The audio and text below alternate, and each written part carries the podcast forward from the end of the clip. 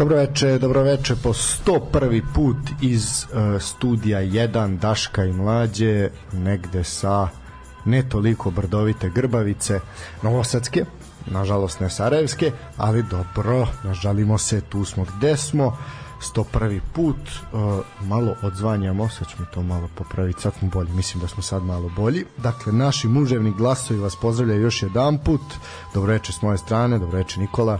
Dobroveče Stanislave, upravo si mi dao ideju, možda bi Mladen Vojičić Tifa mogao da oporavi karijeru tako što će da snimi pesmu u Novosadskoj Grbavici. To, to je nešto što sigurno ovaj će ga ukanaliti još više ovaj, ako može gore nego ovde je sad.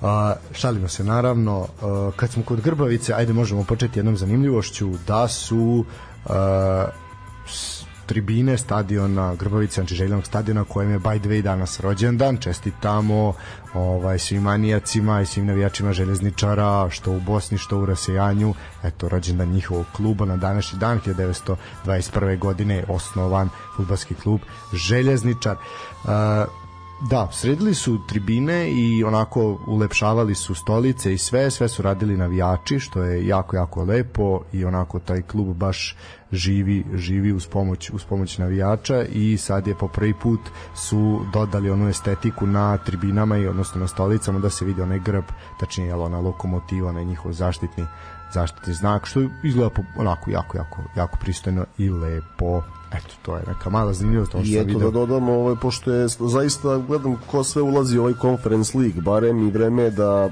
prvi put no. neko iz Bosne sledeće sezone uđe, tako da se nadam da će to da nekako bude ipak željeznič. Uh, Pa jedine tri države koje nisu dale predstavnika u grupnoj fazi nekog evropskog takmičenja su Island, Bosna i Severna Irska. Eto, to je, to je ovaj a i Linfield i Zrinski su bili blizu. Bili su blizu, ali nisu ušli, da. Nisu ušli, tako da a neka bi pravda bila da to iz Bosne budu Željo Velež ili Sloboda Tuzla. Sad nisu sve šanse velike u ovoj da. za slobodu, ali bit će, nadamo se, vremena. Da, a, mi ćemo našu priču, mislim imamo svašta da pričamo, zato ćemo brzo preći na, na teme, jer ima zaista svega, mislim naša priprema broji gotovo sedam strana, to je ovako baš ono jedan pa vidi da smo na nekom ovaj privatnom fakultetu, ovo bi definitivno ovaj moglo da bude. Pa ovo je jedan doktorat recimo Siniše Malog ili Tome Nikolića. Mislim da nije bio ovaj na više strana nego što je naša priprema danas, a još imam nešto što nisam imao više tonera, vidiš da je pri kraju ovaj crklo, ovaj, pa sam ostavio na laptopu, tako da biće priče. Pa za razliku od Siniše Malog, Toma Nikolić zna da ispeče rakiju istina.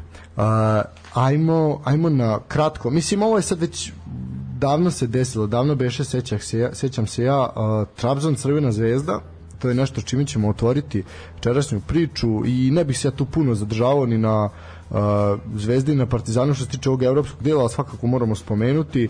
Uh, mi smo bili u Beogradu, gledali smo Partizan i Nicu. Uh, a Zvezdu sam ono što sam ja ispratio vrlo vrlo kratko ja sam vidio jednu očajnu crvenu zvezdu na kraju minimalan poraz mislim da onako moglo je biti moglo je biti gore i sa minimalnim porazom treba da budu potpuno potpuno ovaj zadovoljni. I eto da je neko rekao da Zvezda posle dva kola neće imati ni jedan bod u narednoj rundi dočekuju Ferencvaroš na u Beogradu to uopšte neće biti neće biti jednostavno pogotovo sa u, u ovakvoj situaciji kakva, kakva se trenutno nalazi Crvena zvezda, ali dobro, imaju tu reprezentativnu pauzu, pa ćemo vidjeti šta će uraditi. Pričali smo ovde da im je pauza potrebna kao hleb nasušni.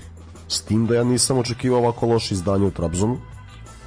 E, mislim da su Znači, oni su stvarno non stop, sa ne znam šta je bila ideja, non stop su izgledali kao da se brane samo sa trojicom, da Trabzon je stalno eksploatisao krilne bekove.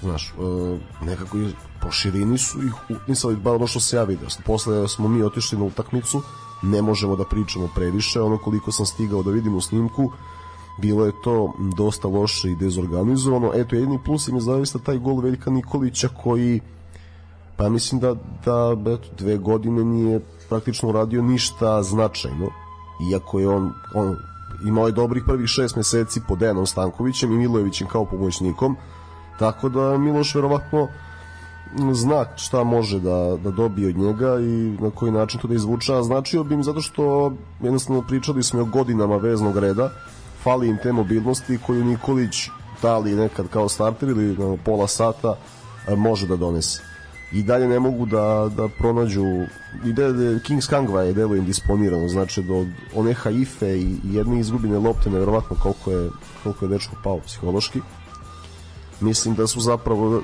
ključim je da u njima dvojici Ivaniću da, kao, kao ofaznim vezistima da kažemo osmicama nađu neka nova rešenja to je to, je to. nisam očekivao da ovako igraju ali stvarno sada im, znaš, sad su u situaciji da im treba šest bodova, a ne četiri protiv Ferenc Varoš. Da. Uh, Mada, pazi, njima, i da završim s ovim oko Zvezde, njima treće mesto uopšte nije loše.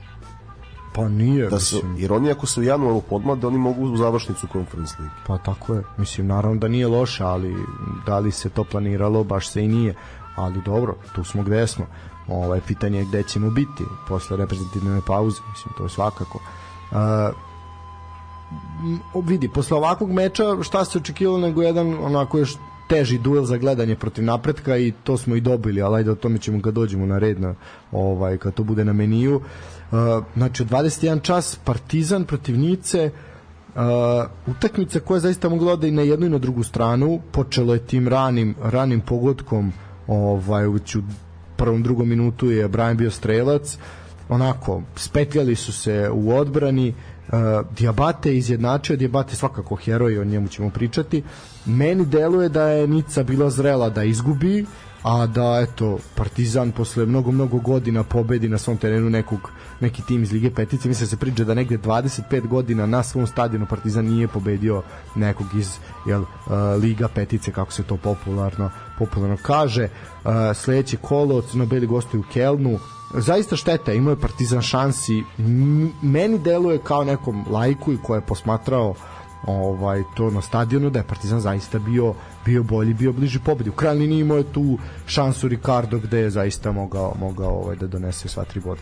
Ne, apsolutno najbolja šansa na meč Ricardo iako je mnogo toga uradio za Partizan odaljio je klubu dve veoma važne pobede od derbija nici dve nevjerovatne šanse. Posebno ova, znaš, jer onda je bio ovako malo iskosa u derbiju, mogao je da bira leva, desna noga, odlučio se tada za levu, slabiju, promašio, ali sada imao je penal. I jedino da se ne bi složio s tobom, ja bih se da imao više vremena zaista zadržao na Partizanu nakon ove utakmice, jer ovo je, mislim, od onih utakmica sa Manchesterom i Aze Alhmarom nešto najbolje što smo videli Pa jeste, mislim najbolje izdanje Partizana. Ne, fantastična partija i tu, ali ne, ja, ja sam stvarno očekivao da da puste posednici i da pokušavaju non stop iz tranzicije. Međutim, neka rešenja pod pritiskom u posedu, u poslednjoj liniji, još kada bi Sveta Marković našao malo samopouzdanja, to bilo fenomenalno. Fejsa je odigrao utakmicu kako nije odigrao pet godina, ako ne i više. Ovaj, mislim, zaista je bio onako na vrhunskom nivou. Mislim, ne samo Fejsa, pa svi su bili, mislim. Ne, pa kažem, timska igra, mislim da. da. da je Sveta Marković njemu još najviše fali samopouzdanja ostatka ekipe, a Marko Živković, pričali smo da je odigrao u derbi utakmicu života, onda je uspeo da se ponori. S tim da rastao je, ne, rastao je kako je meč odmicao, ali morao još malo, malo fali momcima da bolje uđu u meč da se ne dešavaju takve situacije. O, I opet ta uganičija lopta, opet a posle smo videli da uopšte nisu imali razloga da paniče pod pritiskom i da su se dobro snalazili. Da. Zaista, ne, ne sve bih, pazi, Natho kako je izgledao 90 minuta. To je jako bitan predmet, Natho je odigrao, odigrao ovaj, posle dugo, dugo vremena toliko minuta. Pazi, očigledno a, da je... pritom je bio na nivou tokom celih, ali nije bilo ono da ga, da ga nema. Tako da Zio, kad je prešao posle defanzivnog vezla kako se lopta iznosila, znači na koji je distribuirao, dirigovao utakmicom do kraja, bilo je fenomenalno. Partizan je zaslužio da pobedi, ali za, odnosno bio bliži pobedi. Zaista i Nica imala da. svoje šanse i stativu, ali još izglednije prilike i neko danje igre imao Partizan. Više, više ideje i organizacije se videlo kod Partizana, što je meni zanadilo, obzirom da pratim karijeru Lucijena Favra, ali jasno se vidi da Nica vidjet ćemo kako će to biti u tom petom kolu, vidi se da Nica nije očekivala da ode Galtije, Paris Saint-Germain ih tu dosta poremetio i sada su onda vratili bivšeg trenera Favra koji radi potpuno drugačije od Galtijeja i onda su doveli skupe igrače dok se svi uigraju. Propuštena je prilika da se ostvari ta pobeda za sada. Ide, domaća utakmica sa Kelnom i ukupno tri utakmice još da se opet pobede Lige petice u ovom veku zabeležene su pobede protiv Newcastle i protiv Augsburga, obe u gostini. Tako je, da, na svom terenu nije bilo što zajedno na svom terenu, da. To je, to je 24 godine, to Newcastle, Newcastle onaj 98. Da. Vukrašović iz penala. Tako, Tako da, da Ke, Keln je prilika za to, a što se tiče Diabatea, pazi, mi se sad zbog jel, ove, muzičkog programa ove, kuće ne, ne uklapamo, inače bih ja već pevao neću, neću Diabate. Znaš, a još pa sad ova reklama 0.21, tako da morat ću da se suzdržim ove, da se emisija završi. Momku svaka čast, surovi profesionalac, i to se vidi kada ste uživo na utakmici zato što on ako ne dobije loptu ne širi ruke on odmah gleda da li treba braniti tranziciju i to je ta navika koja ti ostane iz premier lige tako da sad a zna, vidimo da su mu doputovali i majka i brat da se polako adaptira da mu da mu Petrić daje na važnosti i ono što najbitnije on ga ne hvali previše on, očekuje još više od njega tako da dečko se polako opušta i šta je interesantan detalj je to što ono mislim da smo, da smo to spomenuli u emisiji, nisam siguran, da je njemu potrebno da i njemu neko pripremi šansu. Zato što je mnogo snage gubio napravi 1, 2, 3 driblinga, vuče loptu, šutira traljavo. Sada vidimo kada njemu pripremi šansu, kada se on namesti, da je taj udarac izgledao tehnički savršen. Veoma važna stvar za Partizan i moraju da nađu način, ako žele e, da pobeđuju i prolaze ovu grupu, moraju naći način da Diabate dolazi u više ovih situacija, znači što kasnije u, u protivničkoj trećini. Znači, jedan dodir, šut. Ako bude toga, postoje šanse za prolaz i to veoma realno.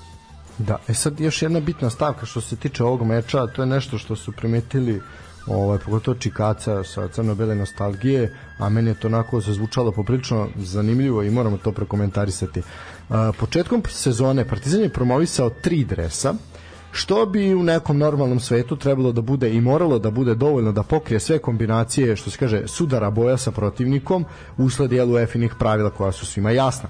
Ali, kada izabereš tri dresa u istoj boji, šta se dešava? Dešava se da Partizan u 15 utakmica nosi šest različitih garnitura.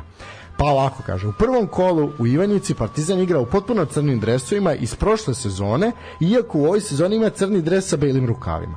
Pa onda u revanšu kvalifikacija Lige Evrope protiv AEK iz Larnake Partizan igra u dresu koji je iz redovne Nike ponude, ali nije iz grupe ova tri dresa za ovu sezonu. To je dres sličan prošlo, prošlosezonskom na kome su bile dodate one štrafte, one iglice, jel, one tanke, tanke štrafte po sredini.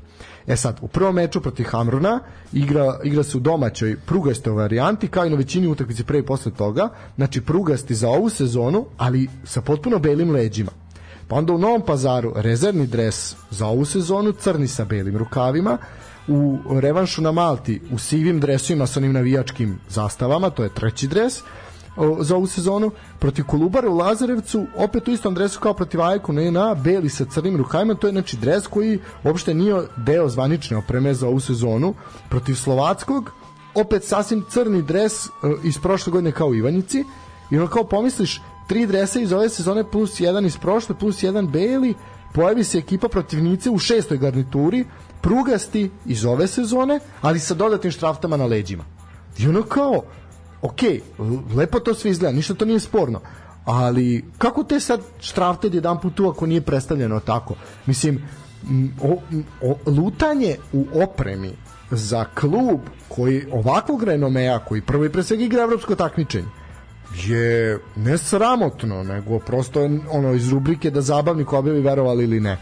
Znači, pritom da dve garniture budu u u totalno, mislim, u istim bojama. Sve tri garniture su slične boje. Sve ti je crna, bela ili je siva. Znači, ne može tako. Moraju biti totalno različite. Na, najbolji primer toga je ovo što je uh, ajde uradio, na primer, na primer Voždovac. Čak mi Crvena zvezda nije dobar primer. Ali ovo što je Voždovac uradio, znači imate belu garnituru, imate žutu garnituru. Po neku, naš, ono, moraš se uklopiti. Ovo je po meni sramotno. Znači, da ovako loše bude urađeno, ne znam, pritom u navijačkim u šopovima ovaj što oficijalno što navijačkim dresova nije bilo do pre neki dan. Znači, i onaj ko je hteo da kupi za početak sezone nije mogao tek evo posle 15. utakmice. Zaista onako se ne vodi računa o tome, a to je nešto, znaš, marketing služba se prepucava sa navijačima na društvenim mrežama, a ne, ne rade svoj posao. I tu je, tu je baš, baš ozbiljan problem, meni je ovo jako zapalo za oko i ja sam to primetio, ali je Čikaca to zaista lepo onako logički posložio i elaborirao, tako da njemu hvala, ali ovo zaista, zaista je sramotno. E, Aco bi ti sada zamerio da, što ga zoveš Čika. Ovaj, Pa to, mi, to mi zamerio na prvom susretu. Zna, ne, tako, Poštovanje. zna on, ali da, zamerio je. on A zameri meni pa ja opet nastavim tako da. ovaj, pozdravlja, pozdravljam ga ovom prilikom. Nema šta, jedna opšta nezainteresovanost. Opšta Ma, nezainteresovanost. Srećom da, da su stručni štabi i igrači a, re, malo resetovali glave i da odskaču od, od tog nivoa doći ćemo, pomenut ćemo neke stvari kasnije jer opet pričamo o utakmici radnih partizana, ali eto, do pauze izguralo se bez poraza od kad je došao Goran Petrić. Znači 10 utakmica, e, svaka čast. E, Šteta, eto, po- pohvalio bih e, ulazak Baždara, eto, jedna, jedna pravovremena odluka ga je delila možda od asistencije ili od toga da, da reši utakmicu, ali je pokazao ponovo da nije fizički inferioran i generalno hrabra izmena trenera da povuče Natha, da uvede Baždara i da krene po pobedu. Nije se došlo ni ovaj put, ali to je način na koji se do misli dolazi. Tako je, tako je, bolje i probati nego, nego Jedino, e da, šta mi nije bilo jasno, šta mi loko, mislim da je, da je Terzić trebao da uđe na desno krilo, a ne Lutovac.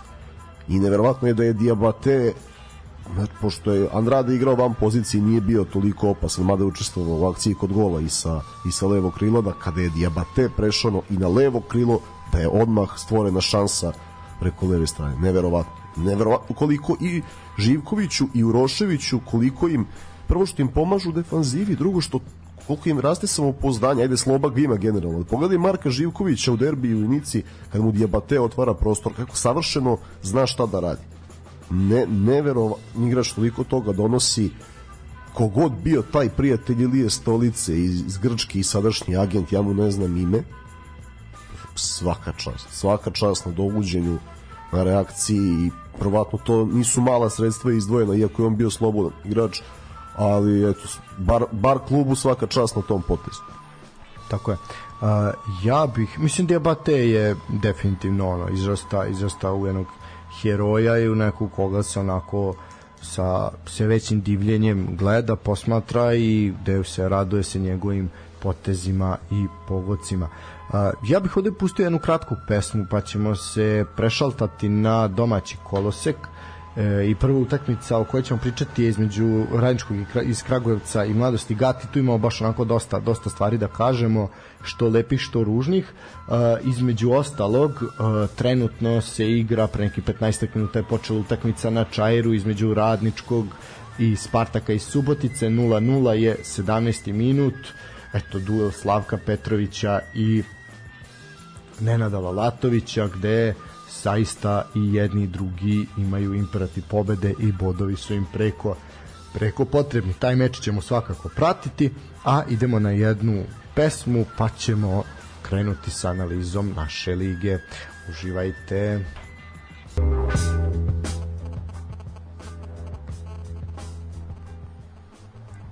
E, evo nas nazad. A, pre nego što se bacimo na utakmicu između Radničkog 1923 i Novosadske mladosti, a, iskoristio bih ovaj moment da se a, zahvalim našem dragom Darku Stojanoviću koji je ovaj se koji je poslao jednu zaista jako jako lepu poruku ovaj za 100. emisiju, a mi ćemo to sad ovaj pročitati i njemu se ovako zahvaliti u programu. A inače momak vozi vozi ovaj kamion po, po ovaj Evropi, po bespućima evropskih puteva i on je za 100. emisiju ovaj onako dodao malo gas i napravio neki istovare brže nego što je očekivano čak je ovaj bio bio pozvan od strane šefa da malo oladi da šta se dešava a on je čovjek uspeo da do 7 da parkira kamion i da uživa u našoj 100. epizodi i ovaj, kada stigne tako neka poruka, kada se neko zahvali eto u nekim bespućima, a stizale su poruke i sa dok su ljudi čekali na granicama iz mislim da ne pričamo o svim ovaj stranama sveta, kontinenata i tako dalje država. Ovaj učili smo geografiju ovaj svakako radeće u emisiju kad smo videli gde smo sve slušani. A, puno, puno pozdrava za sve, za sve naše dragi ljude i za sve one koji nas slušaju i koji se jave, jer verujte da takva poruka kada je neko daleko, daleko od kuće i od porodice i pronađe neko društvo u nama i bude mu lakše i bolje se osjeća i malo ovaj da kažem unesemo neku toplinu u tim, to, tog ponedeljka uveče jel koji je onako grozan dan generalno tako da zaista zaista Darko tebi hvala na poruci a eto veliki pozdrav za sve one u rasejanju što bi rekli koji koji slušaju i koji pronalaze neku toplinu u ome što mi radimo i pričamo. Iskoristio bih ja priliku da se zahvalim Darku zaista jedna divna poruka. I to je ono znaš kad se zapitaš kad razmišljaš da li da kreneš ovako nešto radiš onako ja dobro ko će to da sluša? Znaš. I onda shvatiš da jednostavno uvek je bit, bolje biti proaktivan, uvek treba nešto pokušati jer onda doživiš ovako lep moment. I drago mi je da, da Darko ulepšavamo taj ponedeljak, tako da šta da kažemo Darko vrate vozi u tuđini gura i slušaj nas a mi ćemo da se trudimo da ovo bude još zanimljivije. Tako je mnogo je takvih ovaj širom širom Evrope ali dobro tu smo gde smo doći će dan nadamo se kada će se vratiti pa ćemo da biti bolje a do tada Uh, znamo kome nije bolje, a to je Kinta je dobio otkaz, ovaj eto, verovali ili ne, ali ova utakmica je uh, onako simptomatična sa nekih različitih strana. Ali aj prvo pričamo o samoj utakmici. Uh, posle četiri vezana poraza, pobeda Radničkog, uh, onako pojačani Čolovićem i Šimićem zaista, ali i Evandrom to nismo stigli da prokomentarišemo eto Evandro koji je zaista beležio jako lepe uh, partije u proleteru. Uh, zaista se očekivalo da budu kvalitetnije kvalitetnije utakmice crvenih đavola što svakako se i ispostavilo kao tačno eto već u prvoj ovaj već u prvoj utakmici uh, Šimić je odmah instant impact imao čovjek je dao 10 minutu gol zatim je Vidosaljević još dva puta tresao mrežu mladosti uh, eto prvi put prva pobeda ovaj sa tri gola na utakmici Superlige Srbije još od aprila kada je Radnički pobedio Vojvodinu sa 3-2 Uh, što se tiče Lučana, bože, Gata, pardon, oni su imali onako periode kad su delovali sasvim pristojno, ali nisu zapretili i jednostavno onako sivilo, sivilo, sivilo kao i većina većina utakmica ove sezone. Uh, ostaće na predposljednjem mestu gde jesu. Uh, Linta je dobio otkaz, to smo rekli, tako da eto uzdrmala se uzdrmala se Gat Arena. Videćemo, videćemo u kom smeru će to ići. Mislim ja ne vidim, ja ne vidim zaista, ja sam to rekao na početku sezone, kad su mi se smejali za Kolubaraću u Evropu, tako su mi govorili ma kakvi mladost ne može da ispadne. Ja vam kažem da je mladost najveći konkurent za prvu ligu. Pomenuli smo da je ovo bilo utakmica od šest bodova koje je Radnički dobio meni je zaista drago zbog dva gola Vidosavljevića zato što je to mlad momak koji se koji je pokazao dosta toga u Čukaričkom napravio jedan specifičan transfer i sada se vratio ovde, ne treba zaboraviti, on je dalje bonus. On je 2001. godište, još ovu sezonu je bonus i obzirom na to da je igrao na mnogo višem nivou od radničkog iz Kragujevca, on je taj koji treba ovu ekipu da povuče ka opstanu. Nije jedini, ali zaista bi morao kuda prijaćemo to da ga Šimić i Čolović rasterete, onda i Nemanja Tomić može da da igra što, što za, on je jedan onih igrača za koje važi ono manje i više dakle manje minuta, više efektivnosti. I eto, Radnički je zaista ovom pobedom napravio važan korak ka opstanku. Mladost Gat znam, mislio sam onda da, da malo dolaze sebi iako ih pazi od, od starta sam ih video da ja sam ih video da ispadaju ali sam nisam mislio da će ono sada budu mislio sam da će biti konkurentniji znaš da učine prvenstvo zanimljivim pa sad neko mora i da ispadne ali, ali za sada to da ne ali eto to tako ide Linta si nije lepo rastao na, na krovu i šta ti se desi do, pazi dobiješ dva otkaza u narednoj sezoni pre oktobra. Tako je. Mislim, ovo, se, ovo što si rekao, to se apsolutno slažem. Znači, dolazak ovako za ekipu radničkog zaista kvalitetnih pojačanja odmah podigne podigne ovaj i samu ekipu i taj neki timski duh i ono vidi se vidi se kvalitetni sam tim i ovi što su do sada vukli vukli igru sad se osjećaju da kažem imaju to olakšanje mislim videli ste da je Nemanja Tomić zaista bio da, slobodniji i ovaj da kažem Milutin Vidosaljević je ono odigra, sad na pravi način je odigrao i ušao u meč. Uh, tu je Čolović zaista jako puno doprineo tome. Damjan Krajišnik je isto samim tim opet iskočio kao ovaj neko ko je bitan bitan šraf jer sad ima sa kim da se poveže kada se u sistem ubaci Evandro i kad se on uigra, to će biti zaista jedna respektabilna ekipa koja neće tako lako gubiti, gubiti mečeve od konkurenata za, za borbu u play, play-outu svakako. I ne bi smeli da dozvole to zato što ih čeka stogodišnjica osnivanja. Da, tako je, naravno i to je bitan i to je bitan faktor. Tako da su se trgli, pojačavaju se, daju sve od sebe da za stogodišnjicu budu članovi Super Ligi, ako se ne varam, i dalje na snazi pravilo da za 100 godina od osnivanja dobija klub milion eura od FIFA. Da, mislim što se tiče Linte, o, eto, osam utakmica je proveo na klupi Gata, a, jednu pobedu, ne znam, ne znam šta bih rekao, ovaj, osvojio samo četiri boda, znači jedna pobeda, jedno nerešeno, vidjet ćemo ko će preuzeti klupu Gata, to isto sad ozbiljno, ozbiljno pitanje.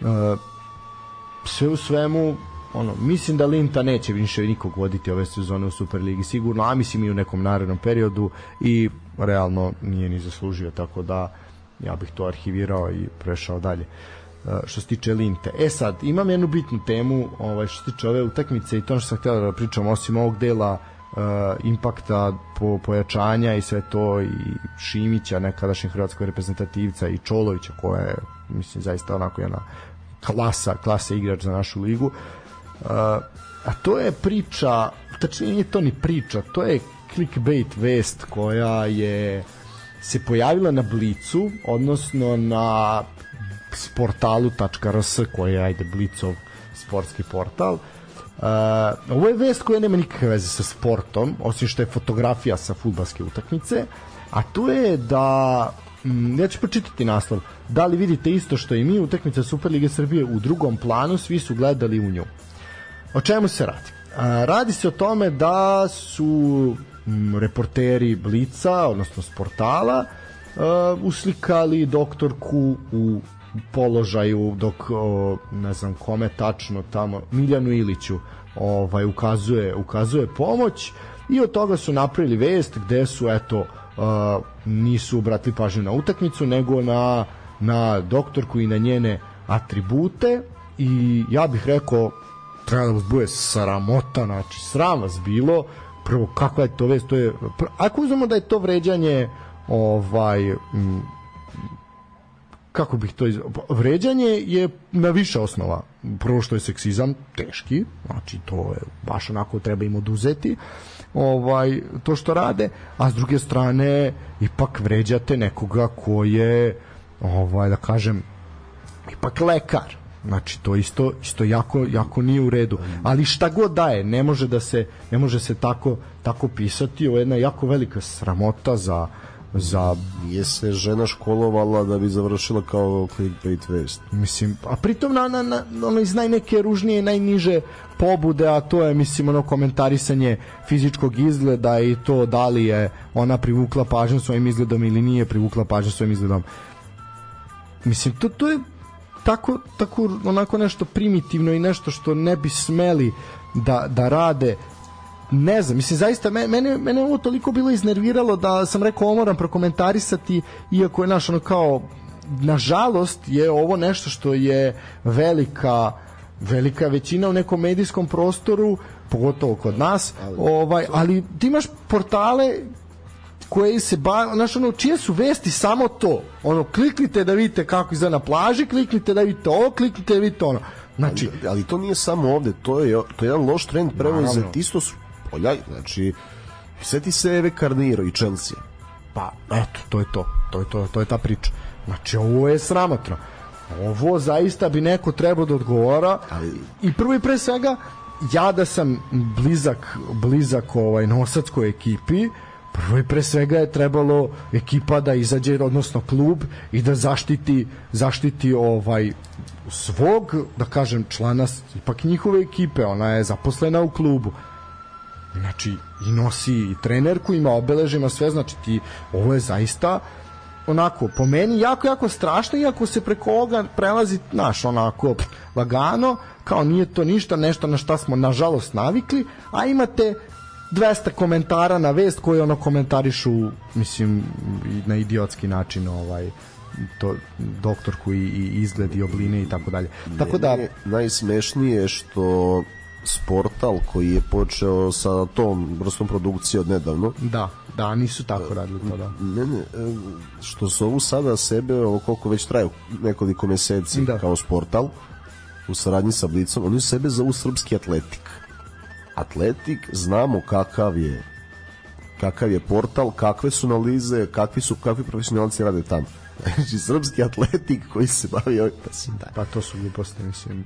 A da što se tiče atletika, možete možete ove naći imate popust na pretplatu, pa da vidite šta, šta je ozbiljan, ozbiljan ozbiljan list i kako se to piše, kako se radi i ako želite budete da ozbiljno pratite evropski futbal ovaj, na takav jedan način s takvim analizama, ovo što kaže Nikola, eto, pretplatite se, nije to puno para, pa da vidite kako to izgleda. E, dok mi pričamo, e, u Nišu je pao pogodak e, onako, nakon jedne, jednog lepog solo prodora uh, pa kroz jednu trojicu igrača koji Spartaka koji zaista nisu mogli mogli da ga zaustave Radnički je došao do prednosti mislim da je u toku 20 i ne, pardon, 36. minut je u toku uh, lep, lep pogodak uh, Lalatović se, se raduje to je svakako uh, gol je postigao igrač sa brojem 20 i 1, to je Stefan Dimić. Čini mi se samo za trenutak da li je Štulić postigao pogodak, zato sam zastao, ali nije ipak je Dimić u pitanju.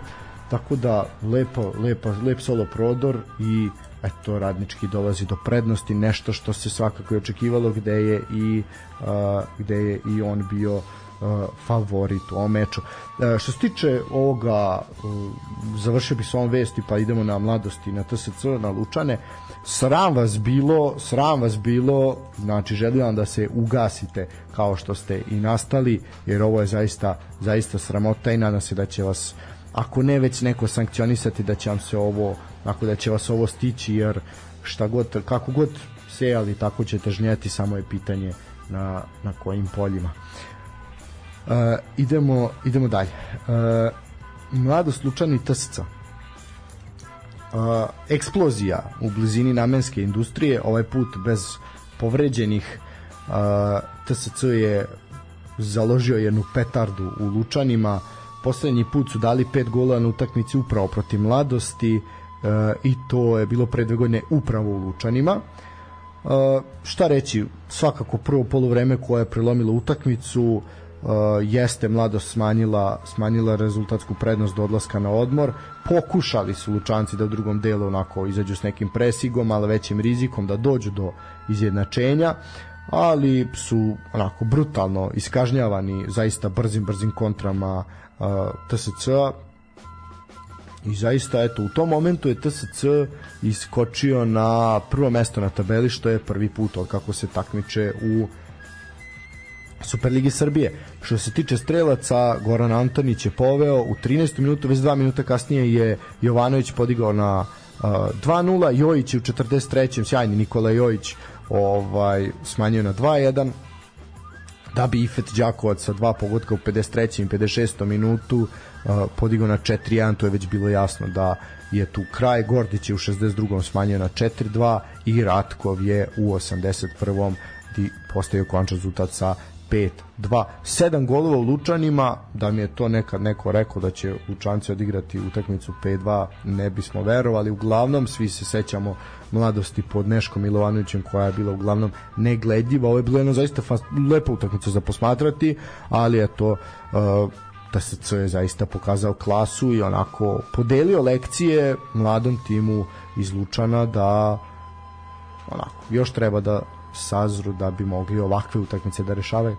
Nije, znaš kako to je velika promjena za njih. Oni su mlad tim i sad su o, pokušali da igraju nešto što nikad nisu igrali ove sezone. Tako da i za njih treba imati razumevanja. Ono što, no, kada uh, oni u ekipama koje su sa njima približne po kvalitetu mogu da daju 3 ili 4 gola, ali sa druge strane primaju dosta golova od ekipa iz vrha tabele. Znaš, malo me to podsjećaju na onaj Bormut Edija Hao, od pre nekoliko godina u premier ligi. Oni su opstanak obezbeđivali, obeđivajući sebi ravne, pobeđujući sebi ravne na domaćem terenu. Tako da, eto, pohvalio bih Jojića po ovom porazu da. zaslužen poziv Gorana Stevanovića za mladu reprezentaciju i što opet sredci su lju, bili ljudi manje više koje smo hvalili ovde nekako se sad već ponavljaju i Đakovac da. i, i Gordić pa i Ratko i, i Ratko pa i Sašu Jovanović mislim ne znam, ne znam ko, treba videti ko je još dao šest golova Crvenoj zvezdi u Sašu Jovanović no kad bismo malo pretresli po ligi mislim da ne znam da li ima iko sa, sa cifrom Da li, koliko je Leonardo dao? Nije Leonardo dao 3-4. Pa ne, ne, od aktivnih da. igrača sad ima. Da, Leonardo je dao da. 3 gola, dao je Bibar Snadho ukupno 3 gola u Dobro, svim da, Dijara je dao, da, da, okay, ali da. ovako, ali posle evo i mimo Partizana i Derbija, treba videti ko je postigao toliko gola. To eto možda se pozabavimo tim ide reprezentativna pauza pa da nađemo da li da izvučemo, pa dobro. Što da ne. Uh, u suštini TSC ono što smo i najavili gaze, moraju da gaze i uz ekipu koja ćemo naredno komentarisati deluju da onako osim ajde tog nekog početnog štucanja lako izlaze na kraj sa, sa tim ekipama gde ono da kažeš imaš u napred upisanu pobedu. Tako da sad su našli dobar ritam i pružuju kvalitetnije igre od Vojvodine. Definitivno. E sad, ja bih još prekomentarisao kratko Voždovac i Čukarički i onda bih otišao na još jednu pauzu. Uh, ovako prvi... nadao sam se da će ostati neporažen ali... da, prvi poraz Nije prvi poraz Voždovca uh, u, na svom terenu ali mislim apsolutno zasluženo Čukarički slavio a znači Čukarički je bio ono bog i batina na ovom meču ovaj zaista je onako nema šta četvrti vezani triumf ekipe s Banovog brda uh, zaista zaista je Čukarički bio bio bolja bolja ekipa nema šta uh, Đorđe Ivanović je postigao pogodak u 36. Kovačić u 38. i Ibrahim Endija je, je stavio tačku na ovaj meč u 74. 3-0 je bilo uh, iz Čukaričkog je otišao Srđan Mijailović otišao je, vratio se u Crvenu zvezdu a ekspresno je reagovao Čukarički doveo Sambus i Soka bivšeg omladijskog reprezentativca Malija Poslednje dve sezone je momak igrao u Belgiji upravo u Kortijaku gde je bio i Badamosi. Tako da došao je došao je na pozajmicu uz mogućnost otkupa. Sisoko 22 godine defanzivni vezni. I evo uh, ta veza Čuka Kortijak vidjet ćemo šta će od toga biti ali evo za sad dva igrača. Ako bude blizu Badamosija bit će to pojačanje Koji je, koji je sad ovo poredu futbaler iz Malija u našoj Veliko, da, ovo bi se isto dalo, dalo pa jedno peti sigurno, ali ovo bi, da se, da se, pa trenutno ih ima koliko, tri? A Diabate, Traore i sada sa znači, četiri, četiri ih ima, da. Pa dobro, bilo ih je još verovatno, tako da, ali eto, pa dobro, neka, pa to su braća nesvrstani, nek dolaze, šta sve je to u redu. A, a zato se ona manifestacija održavala. Ono. Da, da, da, da, da, eto, pa dobro, vidi, sve to su prednosti, prednosti toga. Ne, naravno, naravno da su dobro došli i vidimo da, da dobro igraju. Da im prija. Tako da ako se uklapaju ovde da razvijaju svoje karijere i našim klubovima budu donosili obeštećenja i rezultate pre svega na međunarodnoj sceni, želimo im što više. Znaš, to ti je, znaš kako, korak dalje. Mada, na primjer, Ricardo je zaslužan za još jednog reprezentativca. Da. Andradea koji dobro nije u formi, ali kad je pronađe, bit će veliko pojačanje da rastereti Diabatea. Onda Diabate je zaslužan što je stigao Traore, mislim, indirektno. Tako da i to su potencijalni reprezentativci tih zemalja Ne znam sada na kraju u stvari ovaj prokomentarisat ćemo to ko je dobio pozive od za reprezentacije trenutno u toku pauze? A, pa ne znam za strane, ne znam za strane, a što se tiče naših, to ćemo za, stra, svakako. Za strane, to me... To ne, mislim, ne znam, da, li, iskreno. da li je bila neka vez? Ja, znaš da sam Da. bio na, na svadbi, pa malo kaskam sa samom pripremom. Ne, što se tiče ovih stranaca, to ne znam. Za ovo naše ćemo prokomentarisati. Pa evo, Voždovac ima jednog jednog ovaj na spisku, to je Pantović. On je dobio poziv za poziv za reprezentaciju i to je svaka čast i apsolutno je zasluženo. Nema šta, momak je, momak je to apsolutno zaslužio. Još jedan momak koji je donedavno bio u Voždovcu Ćirković. Istina, a i ovaj golman, bože, kako se zove, sad mi je mozak stao, Marko Ilić je dobio, do, dobio koji je baš poziv. u kortrajku, tako da, Da, eto, ranije mislim. znaš da je visoki š- i Dalibor Veselinović u kortrajku, tako da veza sa kortrajkom i srpskim futbolom dugo traje. Da. Što se tiče Čukaričkog, u posljednja četiri kola, četiri pobede, gol razlika 12 i 1.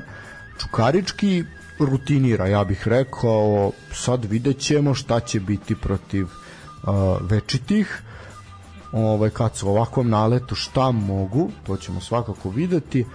A, Beše igraju s večitima u četiri dana, tako nešto. Da, da, tako da, to, ali to, sad, to su oni termini koji se još uvijek ne znaju, to će biti verovatno ovaj sad posle reprezentativne pauze koje ćemo pričati šta, šta čeka ovaj jedne i druge nakon pauze jer zaista će biti onako biće preko vremenog rada kako su rekli ovi s Mozarta jako puno jako puno utakmica u malo dana ali dobro sami su sebi čorbu zakuvali e, Voždovac, meni je žao što, što je došlo do poraza, jer zaista su imali lepu seriju i eto, na pauzu su mogli otići onako sa osmehom na licu. Ovde mi je delovalo da onako, nisu, nije im Čukarički dozvolio, dozvolio više, ali dobro, svakako ostaje da se radi i da stručni štab Zmajeva uradi, uradi nešto po tom pitanju. Ono što ću ja reći što se tiče još ove utakmice, to je da na uh, Instagram stranici Voždovca i stadiona Krautržnog centra uh, imate nagradnu igru, odnosno giveaway, kako se to sad popularno kaže,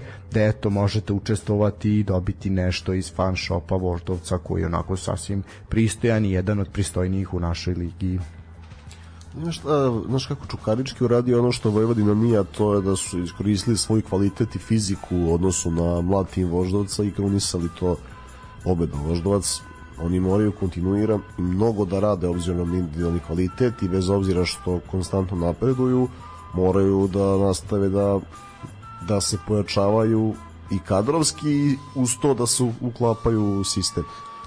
Tako vidjet ćemo, mis, mislim da, da su oni jedan od timova, što nije sada tema, ali da oni moraju da reaguju na zimu, da nastave da se pojačavaju. Oni su svakako mirni za ostanak, imaju kvalitet, uvek su u borbi za, za playoff, ali ja, ja njih zaista, zaista želim da vidim u top 5. Neka bude subjektivno, neka bude da sam dosadan sa voždovcem, ali zaista mislim da su pružili kontinuirano najviše sistemskog rada u ovoj ligi u poslednjih 7-8 godina i da, da je red da to bude neka kruna.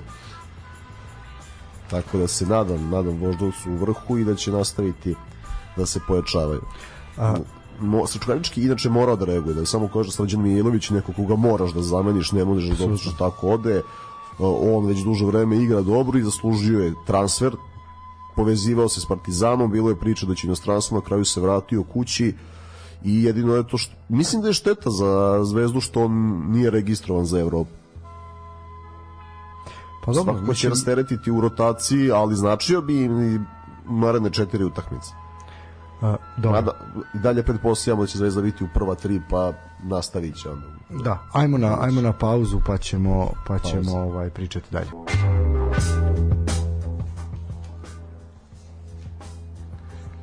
E, evo nas nazad. Nakon dve pesme pauze smo ovaj primili neke vesti, pa ćemo sad to malo prokomentarisati. A, a svakako evo baš se namestilo da pričamo o Crvenoj zvezdi i napretku.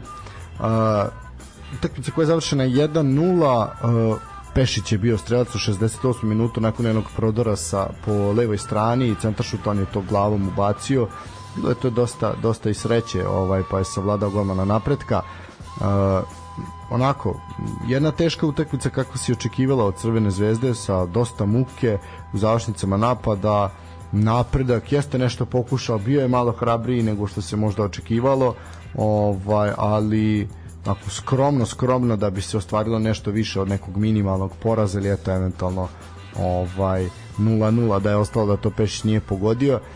Tako da sve u svemu jedna jedna utakmica koja će se brzo zaboraviti jer ništa posebno se nije videlo Zvezda, Zvezda nastavlja, nastavlja da igra utakmice u Grču i da jako teško dolazi dolazi do golova i do i do pobede. Dobro što bi rekao jedan ovaj, trener analitičar unutar Superlige Dule Đorđević sprema samo defanzivu, ali to radi dobro. Da. Tako da sam nije neočekivano što Zvezda nije dala mnogo golova. Ja, napred, ovo jeste još jedna potvrda bolje forme i uspona napretka. Napretka, ovo njih ne treba da remeti.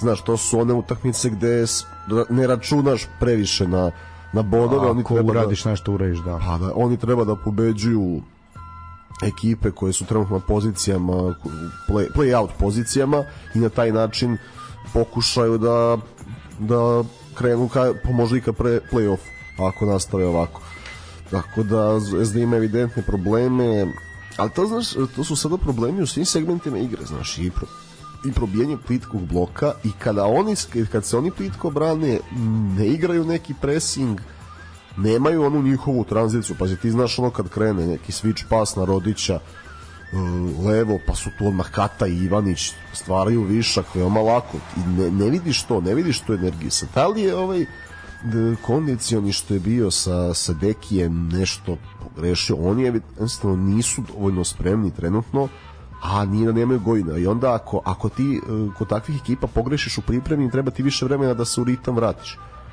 Njima ova pauza izuzetno važna za, za fizičku spremu i r- rad u nekim segmentima igre. Jer pazi, oni ako se ne podignu i Ferenc Varoš je problem. Ferenc Varoš koji igra odlično Da, mislim vidi, to, to će biti jedna jedna jako, jako teška utakmica za Crvenu vidi, ja bez obzira sve ne očekujem da izgube u Beogradu Ferenc Varoša ali oni sad već moraju da pobede Da, ali imaš To je- pritisak. to je problem Tako da, eto, ne bih, mislim, ne znam šta bih još rekao o ovoj Pa ima još jedna- jedno Os- pitanje. E, misliš na malog Mijatovića, Mijatovića, da. da. To, to je jedna lepa stvar, ali ako si ga već potpisao, onda neki igra nemoj da sad se tu i doveo si Kuli Balija, kojem će evidentno trebati mnogo vremena da se uklopi. Pešić će, Pešić će biti neprikosnoven kao što je bio i u prvom mandatu i zaista ako već je potpisao klinca onda moraju da dobiju prostor Znaš, to, je, to je stvar koju ipak Partizan kad odluči da radi, radi bolje Definitivno, Zvezda mnogo više jede svoju decu nego Partizan. To je definitivno, ali ajde nadamo se da neće protraćiti ovaj a talent. kupe, a sad, azi, znaš kako ranije, dok su oni bili u problemima, on- onom Lukić-Vesić periodu, Partizan je imao primat, kupio je sve najbolje iz Srbije. Znači, čak i Vojvodina uzimala više od Zvezde. Sada, Zvezda kupi sve u Srbiji. Pa drugima, pa tek onda drugi mogu da biraju da se da se takmiče između sebe. Tako da mislim, ne, ne kažem ko ide kod roditelja i stovara džak novca na ruke i ostalo, tako da izuzetno je teško takmičiti se s njima, ali samim tim imaju obavezu da tim klinicima daju šansu i na taj način pomognu u srpski futbol i sve, e, sve, sve selekcije. A po- što je, naravno da je kruna reprezentacija mundijali, evropska prvenstva i ostalo. Tako da se Jovanu želimo mnogo sreće i nadamo se da će što pre debitovati a Zvezdi ostaje da se u pauzi konsoliduje. Pa Ima, ima idealnu priliku u kupu da debituje utakmica sa Mačvom, zašto ne bi bio Svakako je, da. Pa to je, da kažemo, neki vid pripremne utakmice za dalje. Ne znam čiji je ovo potez, a čiji god da je svaka čast, liči na Milojevića, ali nemamo potvrdu. Da. E sad, još nešto se desilo, a svakako su izbori se bliže u Savezu i e, samim tim izbori na ovim, kažemo, pod nivoima Futbolskom savezu Beograda, pa smo imali ovo sad pre neki dan i ovde kod nas u našem gradu, tako da e, Zvezda je sad tu, šta se sad dešava, jel? To je ono nešto što se dešava periodično, a to je da e, ljudi iz Crvene zvezde, čitaj Zvezdan Terzić, pokušava da se dokopa Saveza drugi put, a to je da eto ovaj m, naš, ipak je kasa Saveza zanimljiva za za ovaj ljude iz Crvene zvezde uvek bila. E sad, uh, oni su, bila je Skupština Futbolskog saveza Beograda i oni su tamo napravili darmar, tražili su da se uh, Skupština odloži na sedam dana i teško su optužili i uh, general sekretara Jovana Šurbatovića za manipulaciju i lažno predstavljanje E sad, kad te Zvezdan Terzić optuži za manipulaciju i lažno predstavljanje, ovaj, onda to ima neku draž, ono, da, moraš se priznati, jel? Da, što bi rekao Milovan Jovanović, magistar Šurbatović. Da. E sad, što se tiče uh, tog pisma i to što su oni pročitali tu protestnu notu, nju je potpisao Svetozar Milović, Svetozar Milović koji može da prepiše nekom sve živo da ne zna ni šta je potpisao, tako da to iza toga ne stoji on, zna se ko ko, ko stoji uh, eto oni straže odlaganje te skupštine uh, utalili su se i sa Partizanom koji takođe eto kao nije bio obavešten o tome svemu. Uh, zaista optužbe da prvi operativac Srpske kuće futbola lažno predstavio skupštin, skupštinskim pardon, delegatima da se planiraju kadrovska rešenja za Futbolski savez Beograda ovaj, usaglašena sa političkim vrhom Republike Srbije, što ne odgovara istini. A viš kako je pozivanje na, repu, na vrh Republike a, može da bude zanimljiv u više smerova, znaš, kada se priča, a ja imam podršku vrha Republike, ko će to, ko će to, mislim, ono kao svi ono, a joj, kao naš, ko stoji iza njega, a isto tako, ja sada znam da se vi niste dogovarali sa, nego da je to protivno želja ovaj vrha, vrha Republike, odnosno jednog čoveka, odnosno znate koga. Tako da, naš, jako je to I onda, znaš, oni nekog optužuju za manipulaciju. Daj, rođače, ti si doktor manipulacije. Oni su i vlasti i opozicija kad god im odgovara. Ne, ne bih se mnogo bavio njima, nego imam pitanje za tebe ovako pošto idu izbori to u Savezu, e, kada je posljednji put bilo više od jednog kandidata na izborima za predsjednika Futbolskog saveza Srbije? Da, pa to je dobro pitanje. To, to ćemo isto mogli bi da mogli bi da ovaj Ja mislim da je posljednji put bilo 2008. kada su bili kandidati Tole i Aca Bulić koji je dobio samo jedan glas. Tako nešto je bilo. I onda mislim da su dalje e, Tole i dva puta Kokeza birani jednoglasno. A ja mislim ja zaista ne znam ko su ko su trenutno kandidati, mislim, ovaj pa, da li ne znam je li Nenad Bjeković, ko je, ne znam. Po pa pretpostavljam da mislim ono da će biti da će se pojavi tako već nije, mislim on to je nešto što on želi. Ovaj ali to ćemo vidjeti, svakako će zvanična zvanična ono biće to sve zvanično raspisano, zvanično sve, pa ćemo imati ovaj pa ćemo imati ljude. Mislim pretpostavljam da će biti Bjeković, pretpostavljam da će tu biti još nekih nekih ovaj dobro poznatih lica, ali ajde o tome ćemo pričati kad bude zvanično. ne volim da. što se to dešava pred Katar.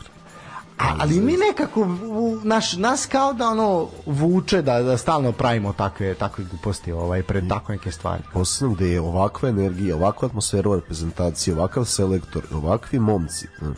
Jer pazi, e, imaš selektora gde ne možeš da mu kažeš, sad možeš da mu, da tamo diskutujemo o 25. igraču, od ne znam, šestom štoperu, da li treba da bude, ne znam, Eraković ili neko drugi. Ali nema ono sad, e, ovaj selektor ne zove ovog koji mnogo dobro igra u, tu, nešto, da ne, kao što nije bio pozivan Matić ili ne znam, ovaj selektor, tako i tako. Ne, svi najbolji igraju i ti nemaš bolje od ovog. I igraju na svojim pozicijama u reprezentaciji ima dosta prijatelja, među, ima kumova, sjajna atmosfera, posle dužeg vremena zaista jedna lepa priča da se napravi istorijski rezultat ako ne pitaš. I ne, sad mi je neka trvenja po savezu. Znaš, nikad ne znaš kako će to se odrazi na reprezentaciju, na, na klubove u Evropi. E, imamo dva koja treba da se bore za to 11. mesto. Da, koje treba održati, što će biti jako teško. Pa ne, ovaj. nije, nije dobro trenutno jer je Partizan je propustio da pobedi dva puta gde Zvezda će sad imati utakmice koje mora da dobije, Partizan ide u Nemačku i tako dalje, e, dok ovamo, ne znam, imaš Slaviju, Prag i ovde sa lakšim grupama, nije, nije ni malo jednostavno. Biće veliki uspeh ako se to odbrani, ali, ali mislim da je jako teško. Trenutno mislim da će, delo je da će bar jedna jedna liga iskočiti ispred srpske. Da. E sad, ali vidiš, ovaj, možda možda se to upravo sad radi da bi se na krilima ovog rezultata, a što je odlazak u Katar i upravo na sve te atmosfere i svega, da bi sadašnja vlast u Savezu pod, pod, produžila mandat, jel naš? Može biti da se zbog toga radi, da upravo ne bi došlo do toga svega, promene selektora i tako dalje. Ne, gde je što radi Mladen Krstajić? Ovaj, vežite ga da ne izlazi iz kuće. Tako da, znaš, može biti i tako. Sad, mi, mi to ne znamo šta se dešava unutar Saveza, ali ćemo o tome svakako pričati kad se to približi, kad budu imali zvaniče kandidate i sve, pa ćemo pa ćemo pričati naravno. Jer ne, nekako zapravo mi smo napravili ove najbolje rezultate kad ne, nemamo zvaničnog predsednika Saveza. Da, što je, da, ono, fascinantno, igrači, da. Igrači i selektor prepušteni sami sebi, pa onda Terzić optužuje Pixija da je neformalni predsednik Saveza i ostalo, ali više mi se sviđa ta varijanta Nego da ovakva- Zvezdan Terzić I ovakva da, ekipa. da, I znaš važno? Imaš selektora potpuno operisanog od klubaštva koji je legenda Da. Crvene Da, zvezde, da, ali da. utakmicu je igrao u Portugalu istorijsku sa sedam sedam igrača iz Partizanove akademije. Ma, što je isto važno. Pazi, mislim da je fudbalska reprezentacija najzdravija sa atmosferom trenutno, što je potpuno ni paradoks. Da, pa mislim kad pogledaš sve ostale sportove, da, koje smo eto ovih meseci imali prilike da pratimo, definitivno je tako, što, što zaista ono da ne ureknemo, ali nije bilo, nije bilo pa gotovo ono nikada. Tako da zaista bolje da naš puno ne, ne talasamo, ne daj Bože nečega da se nešto desi, ono, da, dobro, Pixi ne može pozove sina, ko što je Petko, šta još može da se desi, da imamo, zaratiti se, nadamo se, neće, da, znači da nas neće izvižati himnu, onog, da, zamisli on nastupaju, ne znam, u Subotici ovim izvižaju himnu, ove, znači neće se desiti ovo Ivica Osim scenario, ne znam, tamo nešto, ono 60 i 70 kad su bojkotovali opremu, ono, nadamo se da se to neće desiti, mislim, aj nadamo se da će taj orao što leti ovaj, u Mozartove reklami da će nas ujediniti. Ma da vidim da neki pozivaju Orla da sleti na Marakanu da odnese gobelju. To sam video da je... Što je jako dobar fazon, moram priznati, koga da je smislio, zaista svaki čast. Pa pazi, ne, ne, meni je ovo kako orao sledeće na, na Draganovo rame jeste kao Montevideo sa Radojem, mislim da Ovo, da li je, ne znam da li selektor gleda Montevideo jer su neke utakmice bile stvarno onako preofanzivne, znaš ona scena kao za mnom, da da, svih da. 11 krenu, tako da e, kako god, e, dob, ali pazi, dob, dobra i reklama i onako vidim da je našla na, naišla na dobru reakciju javnosti, kreira se pozitivna atmosfera pred Katar koju nadam se niko neće pokvariti. I to je, mislim, sve ovo zapravo sve ono što mi radimo i pokušavamo da se bavimo manjim sredinama, jeste kruna da iz svake sredine vremenom imaš neku opciju za taj Katar ili sledeće svetsko prvenstvo u Americi i Meksiku ono tamo, jer to je kruna. A mi težimo da bi do te krune došlo mora da funkcioniše liga, moraju da se stvaraju igrači i neko mora time da se bavi. Tako da kreneš od temelja da bi, da bi sagradio krov. Da, ajmo dalje, ajmo na Ajmo, moramo Vojvodinu, da- da, Vojvodinu i Javar. E, treća uzastopna pobeda Vojvodine na domaćem terenu i skok na četvrto, četvrto mesto. E, Javor nastavlja loš niz, u nešto smrdi i nešto je trulo u Ivanjici, pitanje je šta. E, ostaju na dva osvojena boda u posljednjih sedam kola. Vojvodina se namučila, Vojvodina se poprilično namučila, povela je autogolom Đukića u 24. minutu, da se nije Đukić spetljao da ga lopta nije pogodila onako ko Marka Lomića protiv Šahtjora ovaj, kad nije znao kako da odreaguje mislim ako skupio je kolena jadan pa je to otišlo u njegovu mrežu pitanje je šta bi bilo i koliko bi Vojvodina zapravo i da bi uspela da probije da probije ovaj taj bunker Javora međutim ajde posle je Baraj ovaj re, otklanio svaku nedoumicu u 81. minutu ali zaista nije to bilo daleko od lepršave i lepe igre ako poprilično na mišiće ali dobro, pobeda se piše, to je najbitnije svakako A ono što nisam ispratio uh, jeste poseta u Novom Sadu. Kako je bila ovaj put? Nakon male krize rezultata. Pa, a vidiš, na primer, ovaj, m, da, ne, nemam informaciju, ali što se tiče ovoga, treba reći, moram reći jednu stvar. A, na primer, Vojvodina je pustila neke igrače iz kluba. Ovaj, otišli su Kopitović, ovaj i otišao je Milan Đurić do duše nek pre igra u Vojvodini nije trenutno došao direktno iz Vojvodine otišli su u Javar otišao je Mihajlo Nešković otišao u Voždovac znači malo je Vojvodina ovaj rasteretila rasteretila rasteretila pardon roster ovaj što je onako hm, a na primjer direktno pojačala Voždovac koji je konkurent za za borbu za Evropu. A nije jednostavno ne, nema mesta za sve ljudi. Žele da doveli su dovoljno igrača. Sa dolaskom Vitasa Kopitović je čist višak našao je angažman u Ivanjici. Mislim da, da može dosta da im pomogne Nevidentno, ja ga nisam preterano ocenio za nivo Vojvodine Čukariču, ali već Javoru bi trebalo da, da bude mnogo mnogo korisniji. Da. E, nema što Vojvodina uradila ono što se mora, ne briljiraju igrom. Mislim da i njima dobro dolazi pauza, da sad nakon toliko pojačanja i svega da rade zajedno, da dišu zajedno, da se malo konsoliduju kako bi ono što je uloženo bilo pretočeno u kvalitet igre na, na terenu. To je to, Javor posle dobrog starta i dalje u padu. Treba, sad im, znaš, treba im opet neka utakmica nekoga da, da iznenade da se trgnu. Oni imaju kvaliteta, vole da se nadigravaju. Nije do duše bio to slučaj juče, ali generalno vole i nisu ona isto Javor od pre x godina koji je bio sinonim za, za plitki blok i, i 11 igrača u svom 16 tercu.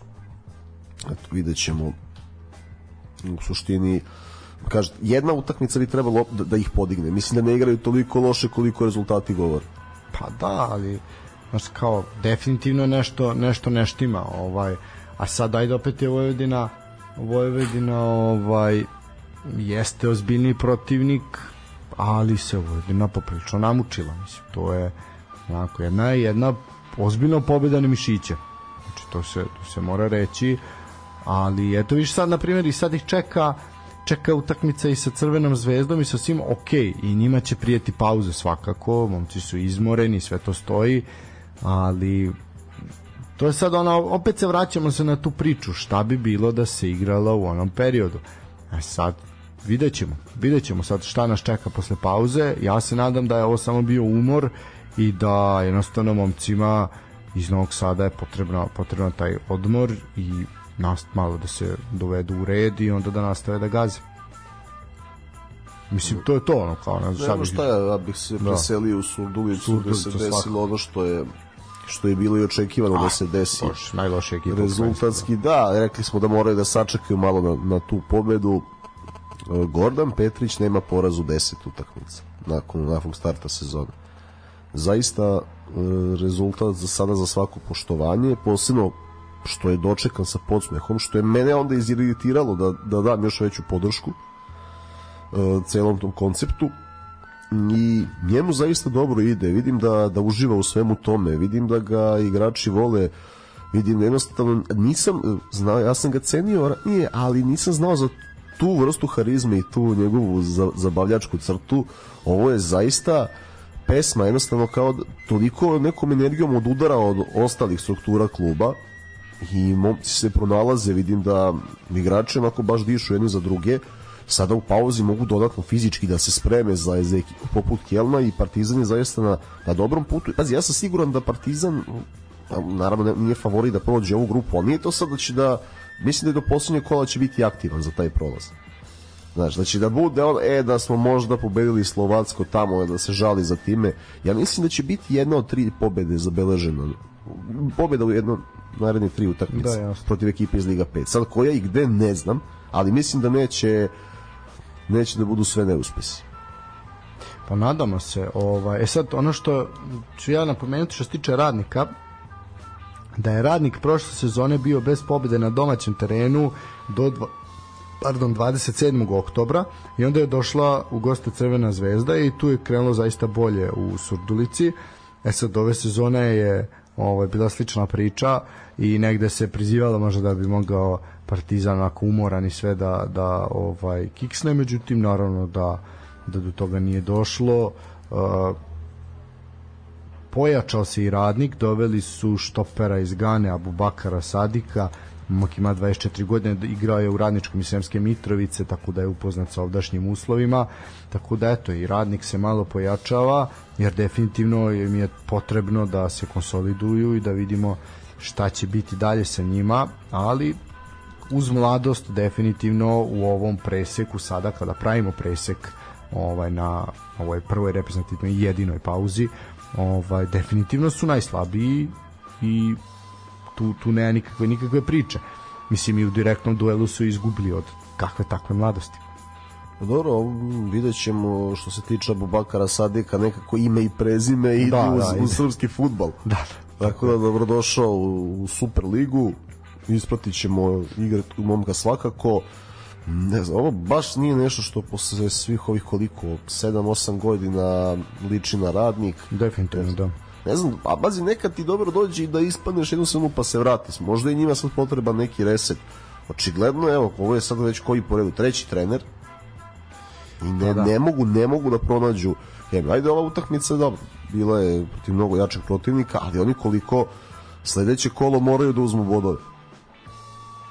Pa, I to, mislim, to moraju, ne samo moraju sebi radnik, da. znaš, sad već moraju da od bodove, ajde, uspeli su eto jedno nerešeno svobodno, moraju da pobede ekipu ranga Vojvodine Čukaričkog TSC, negde moraju da ukradu ovo što su propustili, ako misle da Ostanu. da ostanu. Da, Jer ja ih sad trenutno ne vidim, naj, najbolje što mogu da dobiju trenutno tu jesu baraži. Da, da. Uh, što se tiče same utakmice, Natko je postigao prvi pogodak iz penala u 10. minutu, penal koji se dugo gledao na varu i onako, naravno da je podelio javnost da li je bio ili nije bio i Menig, eto, koji je postigao pogodak u 55. minutu za 2-0 rutinski na, posao. Natko ima koliko 26 od 26. Da, da, da. I ovaj put mi isto nije pogodio stranu. Neverovatno. Neverovatno. I me, pazi, Menig odvratio se iz povrede odmah go, fali, a pazi, fali je u dve evropske utakmice. Jeste. Iako nije bio, form jednostavno on je svojom, svojim fizikalijama brzinom konstantna pretnja, znaš, jednostavno nikad ne znaš kada će da, da bljesne. E, Sa njim bi Partizan imao barem dva boda više, to je moje mišljenje. Ali dobro, tu je, tu je za Keln, e, Bože zdravlja, Diabate zabeležio još jednu asistenciju i to opet, pazi, slabijom nogom, pregled igre neverovatan, e, bas tačan kao sat, pre toga je onako pogodio prečku, on bi bio jedan od najlepših golova sezone da je, da je ušlo. Ali dobro, Partizan siguran, ponavljamo, na, na dobrom Diabate putu. još uvijek bez pogotka u našem prvenstvu. Da, nije dao gol u prvenstvu. Sam ti rekao, možda i bolje da, da nema onakvu statistiku Leonardovsku da ne bi zapalio već u januaru. Pa, istina. Za Partizan je idealno da on igra dobro, a drugi daju golove. To je idealan scenarij, ali vidimo evo već u Evropi da je pokazao da je ubedljivo najbolji igrač tima, jednostavno. I pazi, e, sa tolikim fokusom, e, sada već protivnički defanzivac sa njemu, on i dalje igra svoje i da- dalje ne znaju šta da rade sa njim. Nisam skoro bio, znaš da mene nije lako fascinirati nekom pukom statistikom da to malo je posmatram mnogo više segmenata, ali ovakav futbaler stvarno svaka čast i eto i drago mi je, ali najdraže mi je, najdraže mi je zbog Petrića, zbog njegovog ponašanja, e, zbog ljudskih kvaliteta i zbog tog pomiriteljskog stava, zbog toga što on, eto, kaže, čuo se sa Vladom Ivićem, pa onda ono što kaže, ne mogu da prekinem Batu, a znamo koliko su oni Bata propatili kada su bili zajedno u sezoni 18-19, tako da je iz te sezone verovatno naučio, a nije toliki emotivac kao Bata da sagori i ovo sada izgleda dosta dobro. Eto, toliko o toj utakmici od mene. Da, e, s- ono što ću ja još dodati da se promenio rezultat u e, Nišu, eto ja sam ga prizvao, a on je ispoštovao to. Nikola Štulić je postigao pogodak za radnički, 2-0 je u 60. minutu je Nikola bio strelac još jednog pogodka za Nišlije. E, idemo dalje, e, dve utakmice koje su koje za- Lalac se vraća. Na Lalac se vraća put. pobjeda, to je to ono što se bilo, što smo i najavili. E, Kolubara je pobedila Novi Pazar sa 1:0, tu utakmica odigrana ranije danas. Kolubara je bila dominantna u prvom poluvremenu, imala nekoliko dobrih šansi, jedini pogodak je postigao Damir Sadiković a to je njegov prvi pogodak o, u Kolubari. E, ima Novi Pazar je postigao pogodak preko Majdevca, ali je e, gol poništen zbog ofsajda. Bilo je tu još nekoliko sporadičnih udaraca ka golu golmana Stani Vukovića, ali ovaj je bio zaista zaista na nivou. Mogle Kolubara preko Milojevića i do veće razlike, ali na kraju tri boda i mislim da su oni i više nego zadovoljni. E sad, pre nego što odemo na tabelu, malo ćemo se pozabaviti prelaznim rokom ili zapravo ajmo prvo na tabelu, završimo s tabelom pa ćemo onda prelazni rok pričati pošto je završen jel u Srbiji. E, što se tiče tabele Crvena zvezda je prva sa dve utakmice manje, to znamo, 20 e, šest bodova imaju. Pričat ćemo i tim kad će se šta igrati, pošto su izvučeni parovi kupa. Čukarički je trenutno na drugom mestu sa utakmicom manje 25 bodova, TSC je treći sa 23, Vojvodina je četvrta sa 22, Partizan je peti sa 21, takođe dve utakmice manje, Novi Pazar ima 21, Voždovac ima 20, na sedmoj poziciji Kolubara je osma sa 18 i tu imamo onda najveću razliku u bodovima između dva tima, a to je između Kolubare i Radničkog, čak šest bodova razlike. Radnički je prvi, uh, je ispod crte prvi je u play-out zoni sa 12 bodova, Radnički iz Niša bi ovom pobedom takođe imao 12 bodova, koliko ima je na, na 11. mestu Javor iz Ivanjice. 12. je napredak sa 11, 13. je Spartak ukoliko ne bude promjena rezultata sa 10, Mladost Lučani je 14. sa 9, Mladost Gat je 15. sa 8 i Radnik je poslednje plasiran sa 4 boda iz 4 nerešena duela, znači Radnik je naj najslabiji na ovom preseku sad kad idemo na reprezentativnu pauzu treba reći da najslabiji napad ima Mladost Gat a najbolji e, Crvena zvezda. Što se tiče odbrane, najbolju odbranu u ligi ima Crvena zvezda, dok su najviše golova primili upravo Lučanci. Sad čak 29 su primili. I to, i to pazi, tek sada Zvezda TSC vodio u tom segmentu. Da, da, tako je, tako je. Pa dobro, imali su ove, imali su ove u, ubedljive, ubedljive pobede. Bilo je tamo koga su Javor su dobili 4-1 i još je nešto bilo bilo žestoko, sad sam ci zaboravio. tako da eto, to je što se tiče ovog preseka. A, Lalat upisuje prvu pobedu, to je gotovo jasno da se tu neće desiti. Bi veliko je pitanje šta će biti sa Slavkom Petrovićem u u ovaj u narednom periodu, da li će i on biti smenjen pa da će se sa nekim sa nekim novim ući u tu reprezentativnu pauze su uvek uvek nezgodne, da. uvek su donosile promene trenera. Eto sad on je jedan od kandidata, vidimo da da je otišao Linta, tako da meni tu Spartak liči na klub koji bi stvarno mogao uskoro da, da menje trener. Definitivno od svih ovih najzreliji su za promenu. Ostali deluju sigurno. Da. E, e sad, završena je, završen je prilazni rok, e, četvrtak veče u ponoć, e, to je to što se tiče prelaznog roka, malo duže je trajala letnja pijaca, ovaj ove ove godine. Ovaj i kod nas ja mislim da je najduža nije bilo negde u Evropi da je trajalo ovako dugo dugačko kao kod nas. A, dosta transfera jako puno. Uh, i uh, dosta su igrači ovaj da kažem fluktuirali. Ovaj TSC je na primer napravio najveći izlazni transfer. Mihajlo Banjac je otišao u Krasnodar a Čukarički je ekipa koja je najviše zaradila. Uh, Čukarički se jeste dobro pojačao, ali nije dao mnogo novca za obeštećenje, isto važi i za Vojvodinu, ali ajde ići ćemo ići ćemo ovaj redom po klubovima, znači imamo bilans letnjeg prelaznog roka za 14 klubova.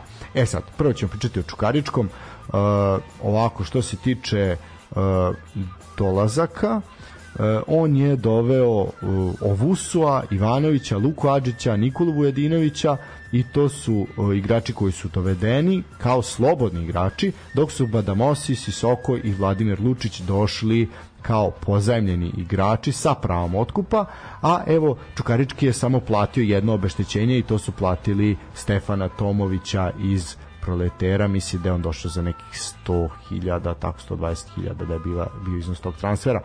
Uh, budžet Brđana je uvećan za 50% i to je svakako donelo tu ovaj taj manevarski prostor da se pojačaju pojačaju na ovakav način. Svakako su Adžić i Badamosi, pa i Lučić i Ivanović je na zvučna, zvučna pojačanja. Što se tiče odlazaka, Šapić i Roganović, oni su prodati u Rusiju, uh, Kristijan Belić je otišao u Partizan, Srđan Mijailović je otišao u Crvenu zvezdu, uh, takođe Mitar Ergelaš, Čolović, Milutin Vidosavljević i tako dalje, oni su oni su koliko su inkasirali ukupno ukupno su inkasirali oko 3 3 miliona. Tako da oni su najviše zaradili. Pa oni nisu. Su, ja mislim da jesu. Pa nisu Partizan je zaradio od Marka Milovanovića 3 Da, ali kad je, kad je Marko Milovanović otišao? Da li je otišao sad?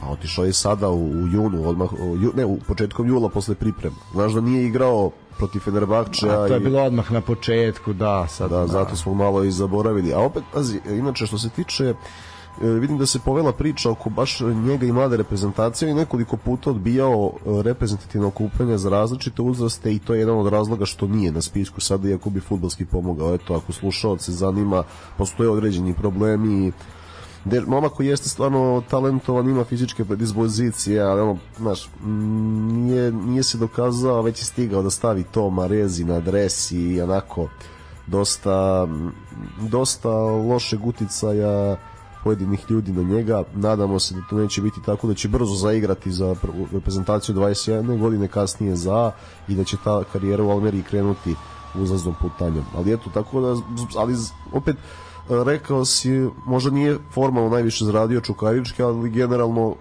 objavljen je najbolji posao, jer ja smatram da Partizan mora da zarađuje po prelaznom roku 30, a ne 3 miliona eura, ako no, radi kako da. treba, tako da e, bravo za Čukarički i bravo za TSC.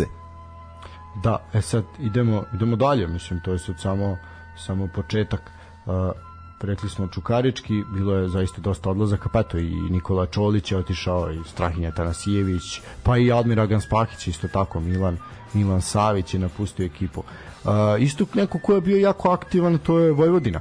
Uh, velike promene i u rukovodstvu kluba, svakako je pratila i aktivnosti sportskog direktora Marka Ivanića tokom prelaznog roka.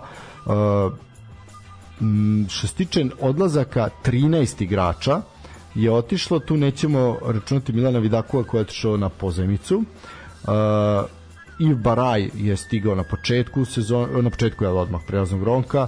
Uh, Traur, Traure je došao, Traure koji je fantastično pojačanje. Uh, Nemanja Nikolić je ponovo u Vojvodini, Uroš Nikolić, Radovan Milosavljević uh, i Lazar Carević koji je onako već sad redovan i ustalio se na golu Vojvodine. Stigo je Filip Malbaši, stigo je Nikola Čumić, došao je Uroš Vitas, došao je Filip Antonijević, tako da zaista, zaista ozbiljna, ozbiljna pojačanje. Pričalo se Miloš Jović, međutim to je na kraju otpalo, što je svakako mislim i bolje za Novosadsku ekipu. Pa jeste, nije, nije spreman jednostavno, on mora na, na zimu, ne, bilo gde god hoće da igra, mora da se spremi celo leto, nije nije prošao pripreme, nije ni sa kim radio, a, a i kada je bio u Partizanu nije bio u idealnom fizičkom stanju, Tako iako je igrao sredom. Što se tiče nekih najzvučnijih odlazaka, Miljan Vukadinović, uh, Vladimir Kovačić, Novica Maksimović, obojica otišli u GAT, na primer. Momčilo Markajić otišao je kod Lalata u borac iz Banja Luke, pa znamo kako se to završilo. Ukašen Bogdanović otišao u Surdulicu, Vukliš je postao slobodan, Bastajić i Matic otišli u napredak, tako da Mladen Devetak je otišao u Palermo, eto našem Futožanu puno sreće. Dušan Stevanović je opet u Radnik, Mihajlo Nešković, kao što sam rekao, u Voždovac. U suštini, negde je Vojvodina, to je rekao Zbilić, da je Vojvodina prihodovala u prelaznom roku negde oko 2,5 miliona eura. E sad, koliko su potrošili, to ćemo videti verovatno u nekom narednom pa, periodu. Ja mislim da su potrošili negde toliko. Sa, za, kako, zašto gledamo? Možda ne na obeštećenja, ali sa platama sigurno dosta, pa i više. Pa, možda... Mislim, pazi, Čumića da. su platili, ne zna se koliko kruže cifre. Pa je ovako, sad ću ti reći, po, pa po transfer marketu, aha, ovi su svi dovedeni kao, besplat, kao slobodni igrači. Znači, oni nisu potrošili ništa što se tiče obeštećenja. E sad, okej, okay, da, dao si da... Pa jesu za Čumića, koliko ja znam. Pa, ovde tako ne piše sad, to je veliko pitanje, razumeš, da. Čumić je bio pod ugovorom. I Partizan pričalo se o cifri od 500.000 eura. Sad da, ja... Da, to je njegova vrednost, ali ovde stoji na transfer marktu stoji da je to bio besplatan transfer. Pa, ne znam da, šta sad to veliko mislim... napravili, a, ali ajde. Da. Ako su potrošili manje, toliko bolje. To no, mi je draže. Da, da. E za TSC, da, TSC Mihajlo Banjac otišao u Krasnodar za milioni 600 eura, plus 900.000 od bonusa i 20% procenta od naredne prodaje, to je svakako možda i naj, najbolji transfer. Uh, pre toga recimo rekordna prodaja bila Nenada Lukića u Konvec sa 350.000. Uh, Sem Banjca još 13 igrača je otišlo. Uh, eto, na primjer, Slobodan Stanojedović je otišao u Novi Pazar.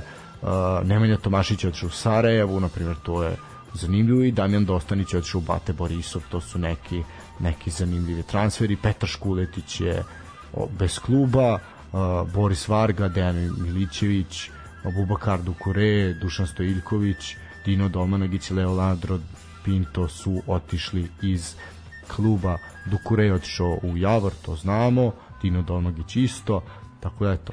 Doveden je Milosavljević koji je plaćen možda 150.000, doveden je Čolić i stigli su uh, Luka Ilić i Nikola Kuveljić tako da eto zanimljiva zanimljiva pojačanja. Sad vidjet ćemo koliko koliko mogu. To svakako ćemo isto vidjeti posle reprezentativne pauze. Uh, najzvučnije pojačanje svakako Saša Jovanović tu nema priče ono, i naj, najveći impakt verovatno ima.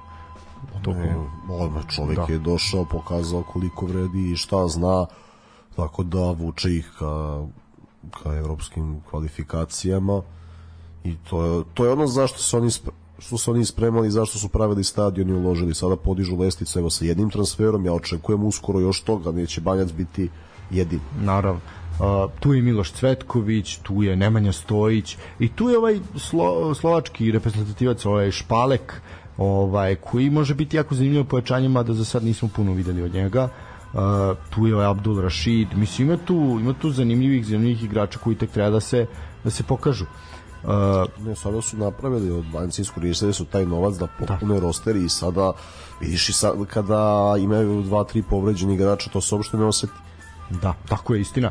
E, Novi Pazar. E, Novi Pazar je uglavnom dovodio igrače koji su ovaj što kaže sa čistim papirima uz dve pozemice. E, nije bilo prihoda od prodaje jer su m, klub uglavnom napuštali igrači koji su kojima je ugovor ugovor istekao ili je druga opcija bila da su se vratili vratili sa, sa pozemica tako da eto e, obzirom da je m, svakako najbitnija rokada i najbitniji transfer je na klupi jel umesto Sivića što je došao došao Gaćinović e, eto, bilo je tu nekih, na primjer Zoran Danovski je možda najčudniji taj, taj moment gde se čovjek jako kratko zadržao zadržao u klubu.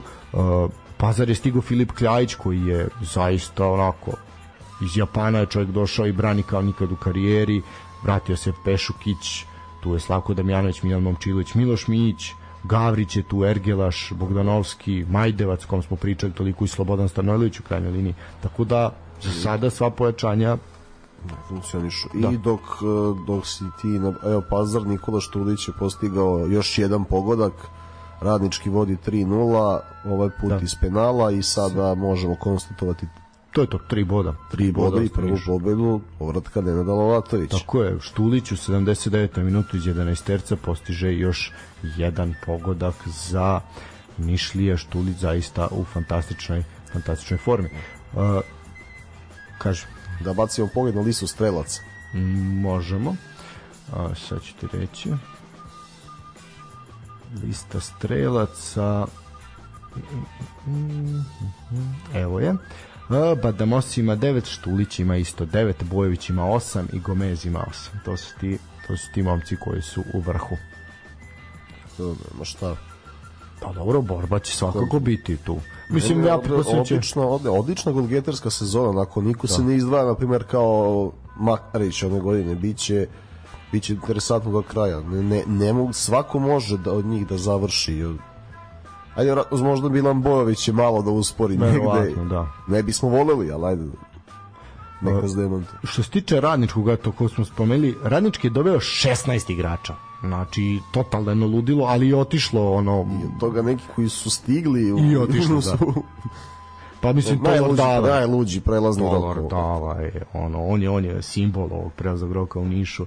Mislim eto, al dobro imali su taj transfer od 500.000 Stefana Mitrovića u Crvenu Crvenu zvezdu. Uh, šta reći o Surdulici? Šta tek tamo reći šta se dešavalo u, u prelaznom roku? Uh, ja bih prokomentarisao na primjer još Voždovac, on mi je ovako zanimljiv što se tiče prelaznog roka i onda bi apsolvirao možda ovu temu.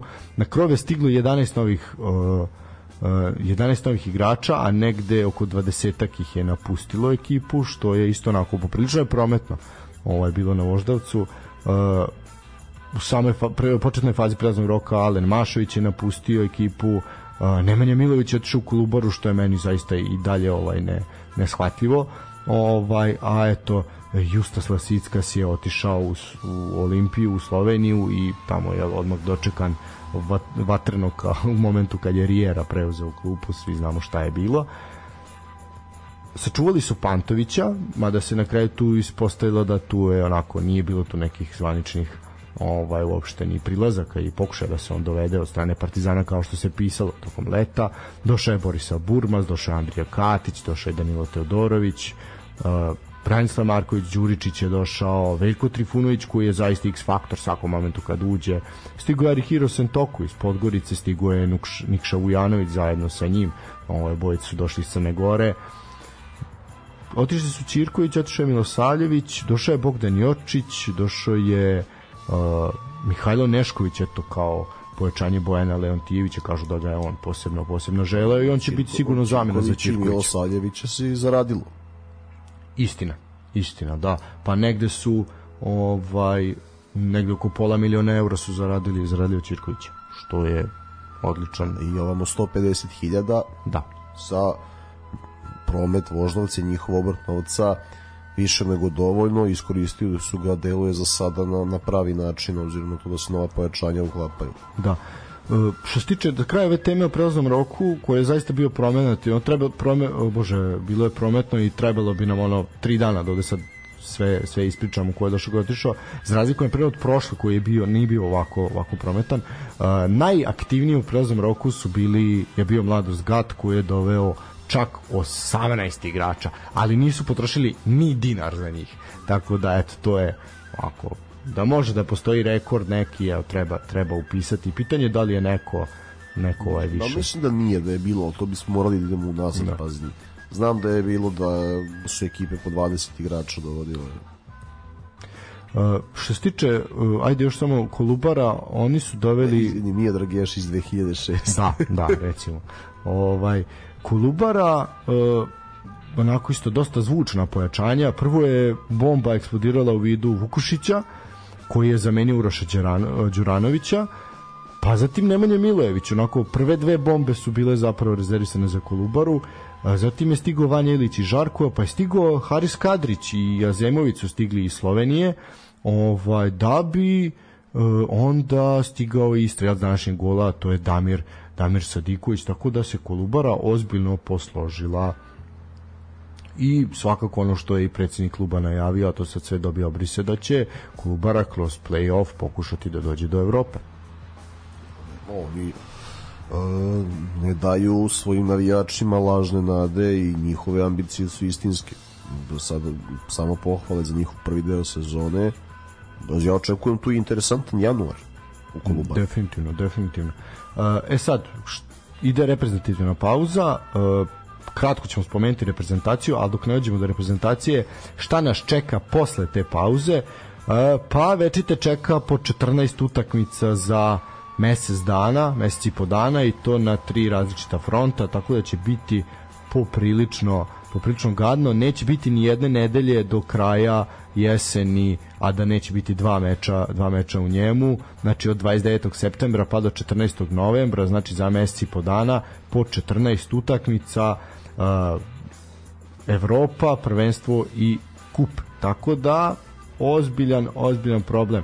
Evo, znači 28. septembra će znači ranije nego ostali odigrati 16. finala Kupa Srbije, pa onda od 1. 10. kreće kolo koje ćemo svakako sad najaviti.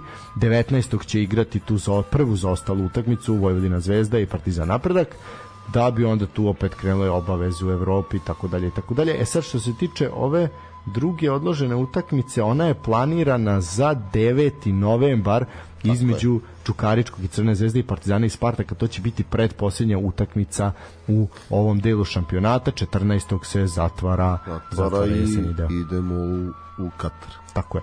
Uh, što se tiče narednog kola, uh, naredno kolo će se igrati prvog desetog i imamo žreb za kup, kao što smo rekli Zvezda i Partizan će a, ranije nešto na terene nego ostali. Ja ću kratko samo pročitati šta se, šta se dešava u kupu. Nema nekih velikih ovaj derbija i zanimljivih utakmica ovako deluje to železničar će bio bi jedan ali neko dobio otkaz da da istina istina železničar Novi Sad uh, IMT Radnički Kragujevac Žarkovo Kolubara Mladost Gat Voždovac da eto trebuje da bude derbi de la Linta ali ipak je Linta napustio Gat tako da ništa od toga uh, Radnički Novi Beograd Mlado Slučani, Javor Radnički Niš, eto to su to su jedine dva duela dva superligaša.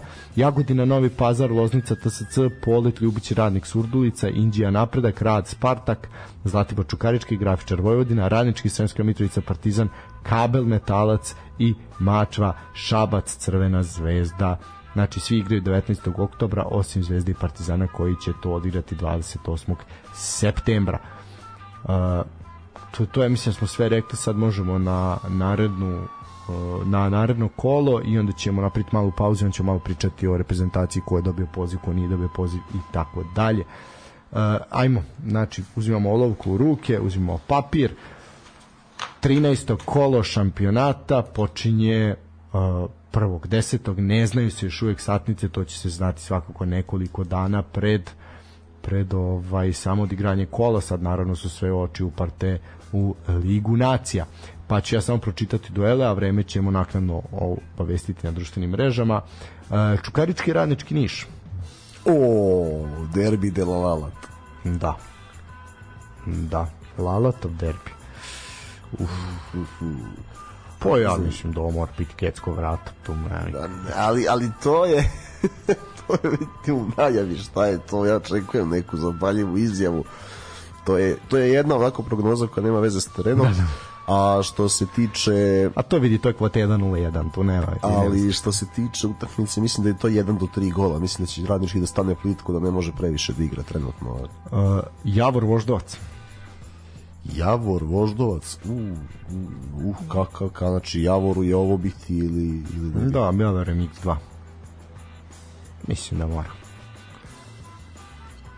Mm, mm, mm. Mislim, ja veliko je da pitanje kako će izaći posle pauze. Ja, sad ja ću da kažem gol, gol. Da, jako je to nezahvalno sad prognozirati. Uh, Gat Crvena zvezda u Novom Sadu. A, nema šta, mislim, dvojka i šta napucavanje, još da, mislim, verovatno. Pa, ja ću reći 2 i 3 plus. Ja ću reći dvojka i gost 4 plus. Dobro. A, napredak Kolubara.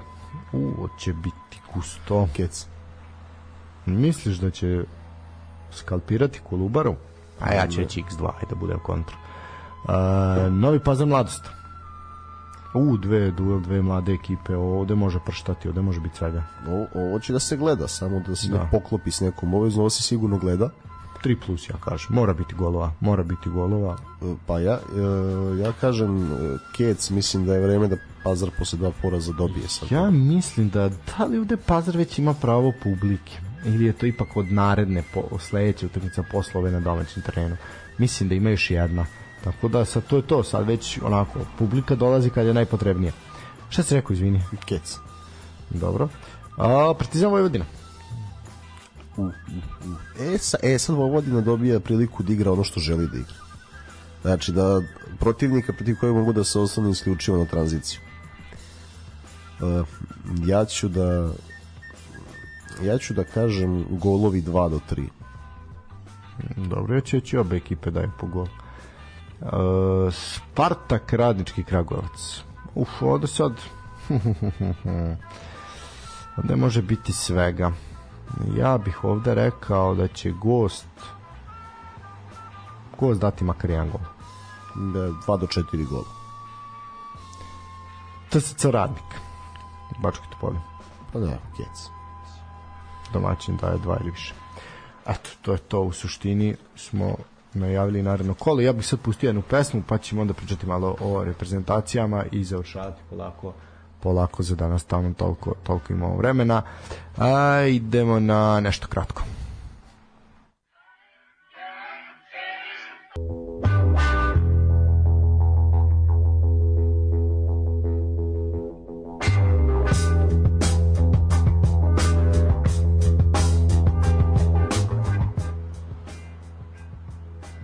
E, evo nas nazad u poslednjem, poslednjem segmentu segmentu emisije gde ćemo pričati onome što nas čeka uh, za vikend, a to je a to su utakmice reprezentacije. Imamo dve utakmice u Ligi Nacija 24. septembra u Beogradu protiv Švedske gde nažalost nema prisustva publike nego će samo deca i moći da bodre, bodre naše, naše reprezentativce zbog te kazne koje smo dobili od UEFA i 27. septembra ide se u Oslo Norveškoj pozvani su sledeći igrači znači golmani su Milinković Savić, Dmitrović i Marko Ilić što se tiče odbrane, tu su Veljković, Strahinja Pavlović, Strahinja Eraković, Erhan Mašović, Srđan Babi, Stefan Mitrović, Filip Mladenović i Aleksa Terzić e, iz Fiorentine tu je Nemanja Gudelj u sredini trenera, Sergej Miliković Savić, Saša Lukić, Filip Kostić, Uroš Šačić, Nemanja Maksimović, Ivan Ilić, Andrija Živković i Darko Lazović. Što se tiče napada, Aleksandar Mitrović, Stefan Mitrović, uh, Filip Đuričić, Nemanja Radonić, Luka Jović, Dušan Tadić i Dušan Vlahović. Uh, da, imamo Stefana Mitrovića iz Hetafe, a odromenog igrača imamo Stefana Mitrovića Crvene zvezde, jel, koji je, koji je takođe dodat na, na spisak. Dragana Stojkovića. Eto. No, to je to je sad urađeno da dečko ne bi igrao za Kanadu, a ja mislim da se da. na njega dugoročno računa na poziciji wingbacka u reprezentaciji. To je ovako moja prognoza. Da, ali dobro, s obzirom da se dvomio da, da nastupi za Kanadu, mislim da je ovo zaista zaista dobar, dobar potez i šteta bi bilo. Imamo još jedan potez najavljen, a to je Lazar Samarčić. E, tu je priča da oko Samarčića, mada onako oprečne su informacije negde negde se pojavlja da će ipak nastupati za Nemačku, tačnije će biti njihov pasoš, negde da će ipak biti za nas, vidjet ćemo. Ja nisam, znaš kako, požurio sam, popravio sam telefon i požurio emisiju, ali izgleda selektor rekao da će igrati za nas. Pa ali isto tako je dečko izjavio pre neki dan da ipak neće, da se će kao Nemaci da, da, da ne vidi sebe tu. E sad, to je veliko pitanje. Dok ne vidi, dok, dok ne vidim da je na spisku, ne, neću tad, ne, mislim jer je to jako, ovaj, sećamo se svi priča, mislim priča našeg detinjstva je Krkić ono, mislim hoće igrat, neće igrat, da, mislim to su No, da želimo tu sagu, ne. Da, Lazar je momak čije karijere uspuno dobar igrač, dobro došao i ako želi, ali ne treba ga forsirati no, jednostavno. Ako ne ako želi. On, ako on smatra da će se izboriti u nacionalnih selekciji Nemački, ako se osjeća kao Nemac, njegov, njegova je no, stvar. Što se mene tiče, dobrodošao. Dobrodošao je svako ko želi, ima kvalitet da da pomogne. Tako, mislim, saglasan sam apsolutno, nema šta, ako želi, ako može da pomogne, da. može, zašto da ne. Mihajlo Ristić nije na spisku, da. E, selektor je izjavio da je odigrao samo 9 minuta i da ne može da ga pozove, što je šteta što Ristić ne igra zato što on može da ti pokrije i centralno iz polja. To je baš šteta, takvi igrači su više struku korisni. Ja sam čak mislio da će on da se vrati u Zvezdu, pošto u Zvezdi imam pelje su platežno slični klubovi. Uh, mislio sam da, ali eto, on je želeo u Benfiku, što je razumljivo i sada je jedan koristan igrač koji otpada sa spiska za Katar. Ali pazi, imam ja ovaj, pitanje, znači imam, pazi, imaš Rodića, duše koji je van forme, ali meni je to, to kontinuirano pozivanje Alekse Terzića nije jasno pored Slobodana Uroševića. Bez obzira što je možda to formacija što Sloba, ali videli smo da Sloba igra dobro i wingback. Svakako su jedni drugi iritacije, ali ne vidim da je Terzić zaslužio pre ovakvog Uroševića koji igra u oba pravca, asistira, daje golove, jedan da, jedan makar za, svako ovu, makar za ovu ligu nacija, da.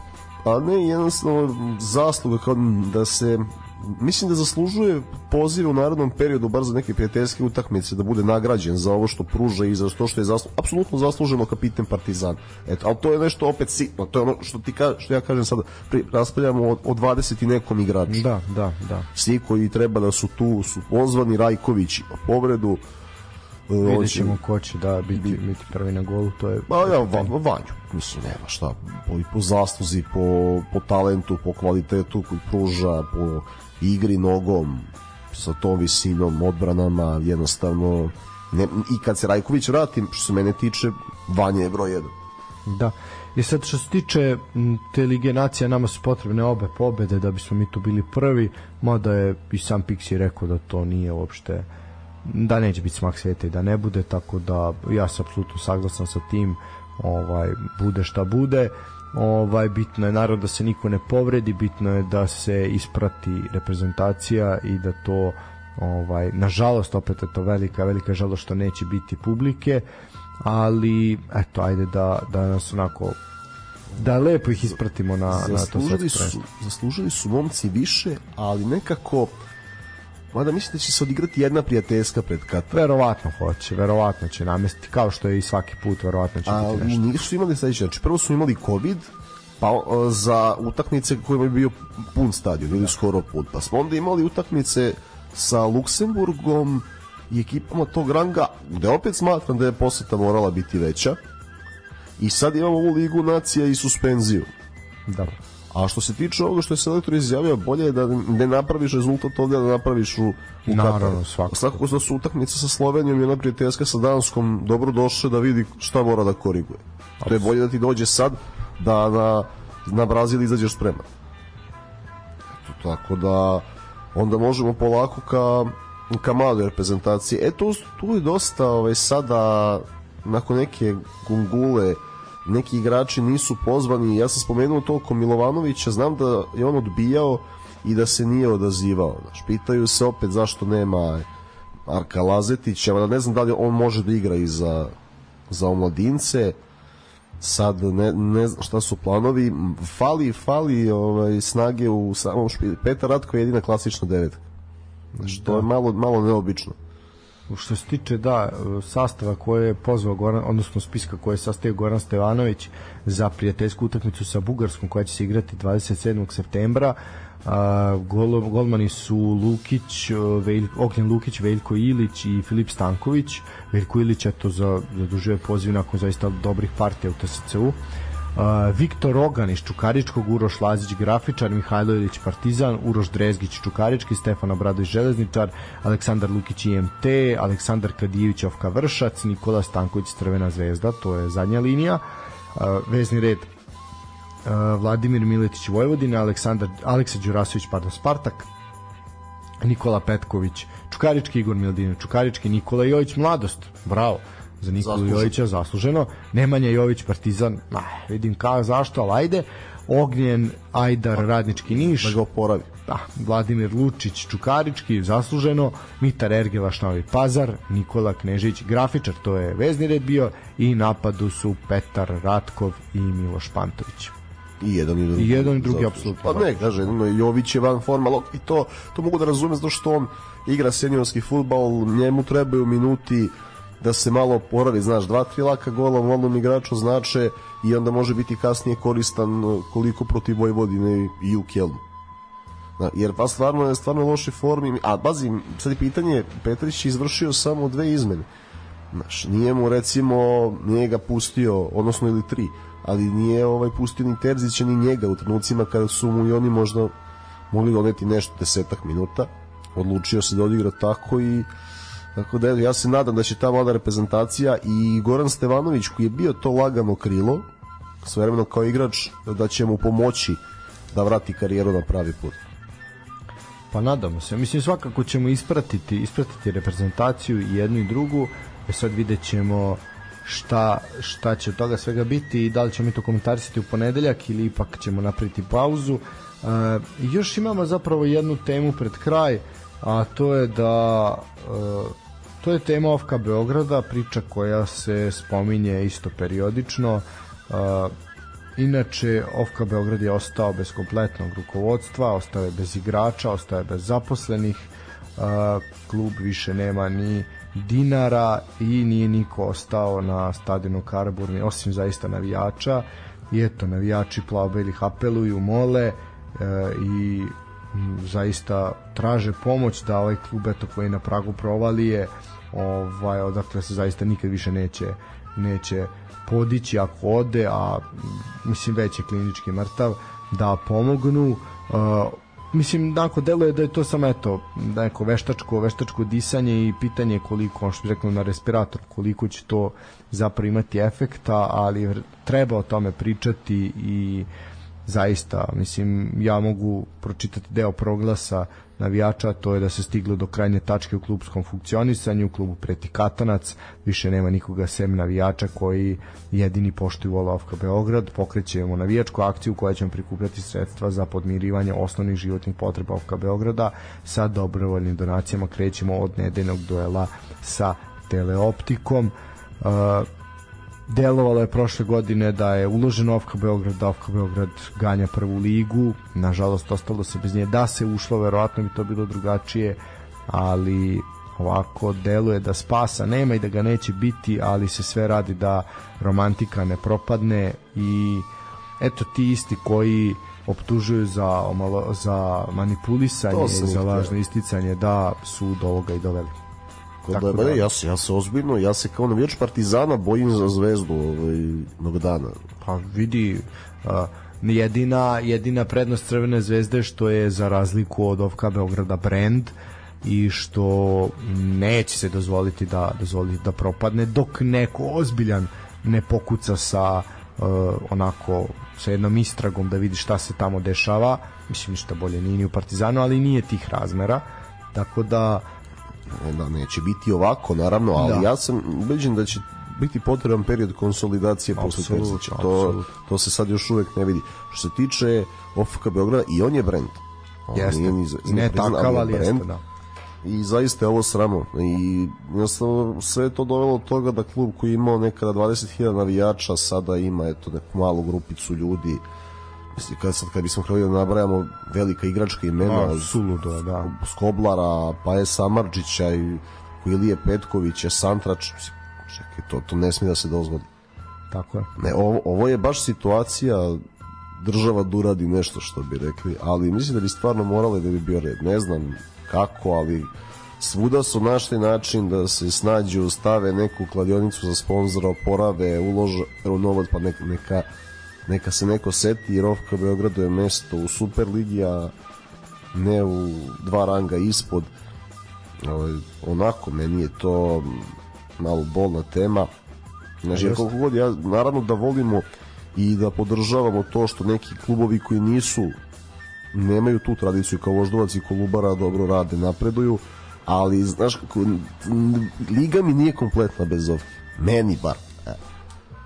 Pa jeste, mislim slažem se, to je Ovka je ipak nešto što ima tradiciju i to je jedan od onih klubova koji bez obzira za koga navijaš ti ga simpatišaš.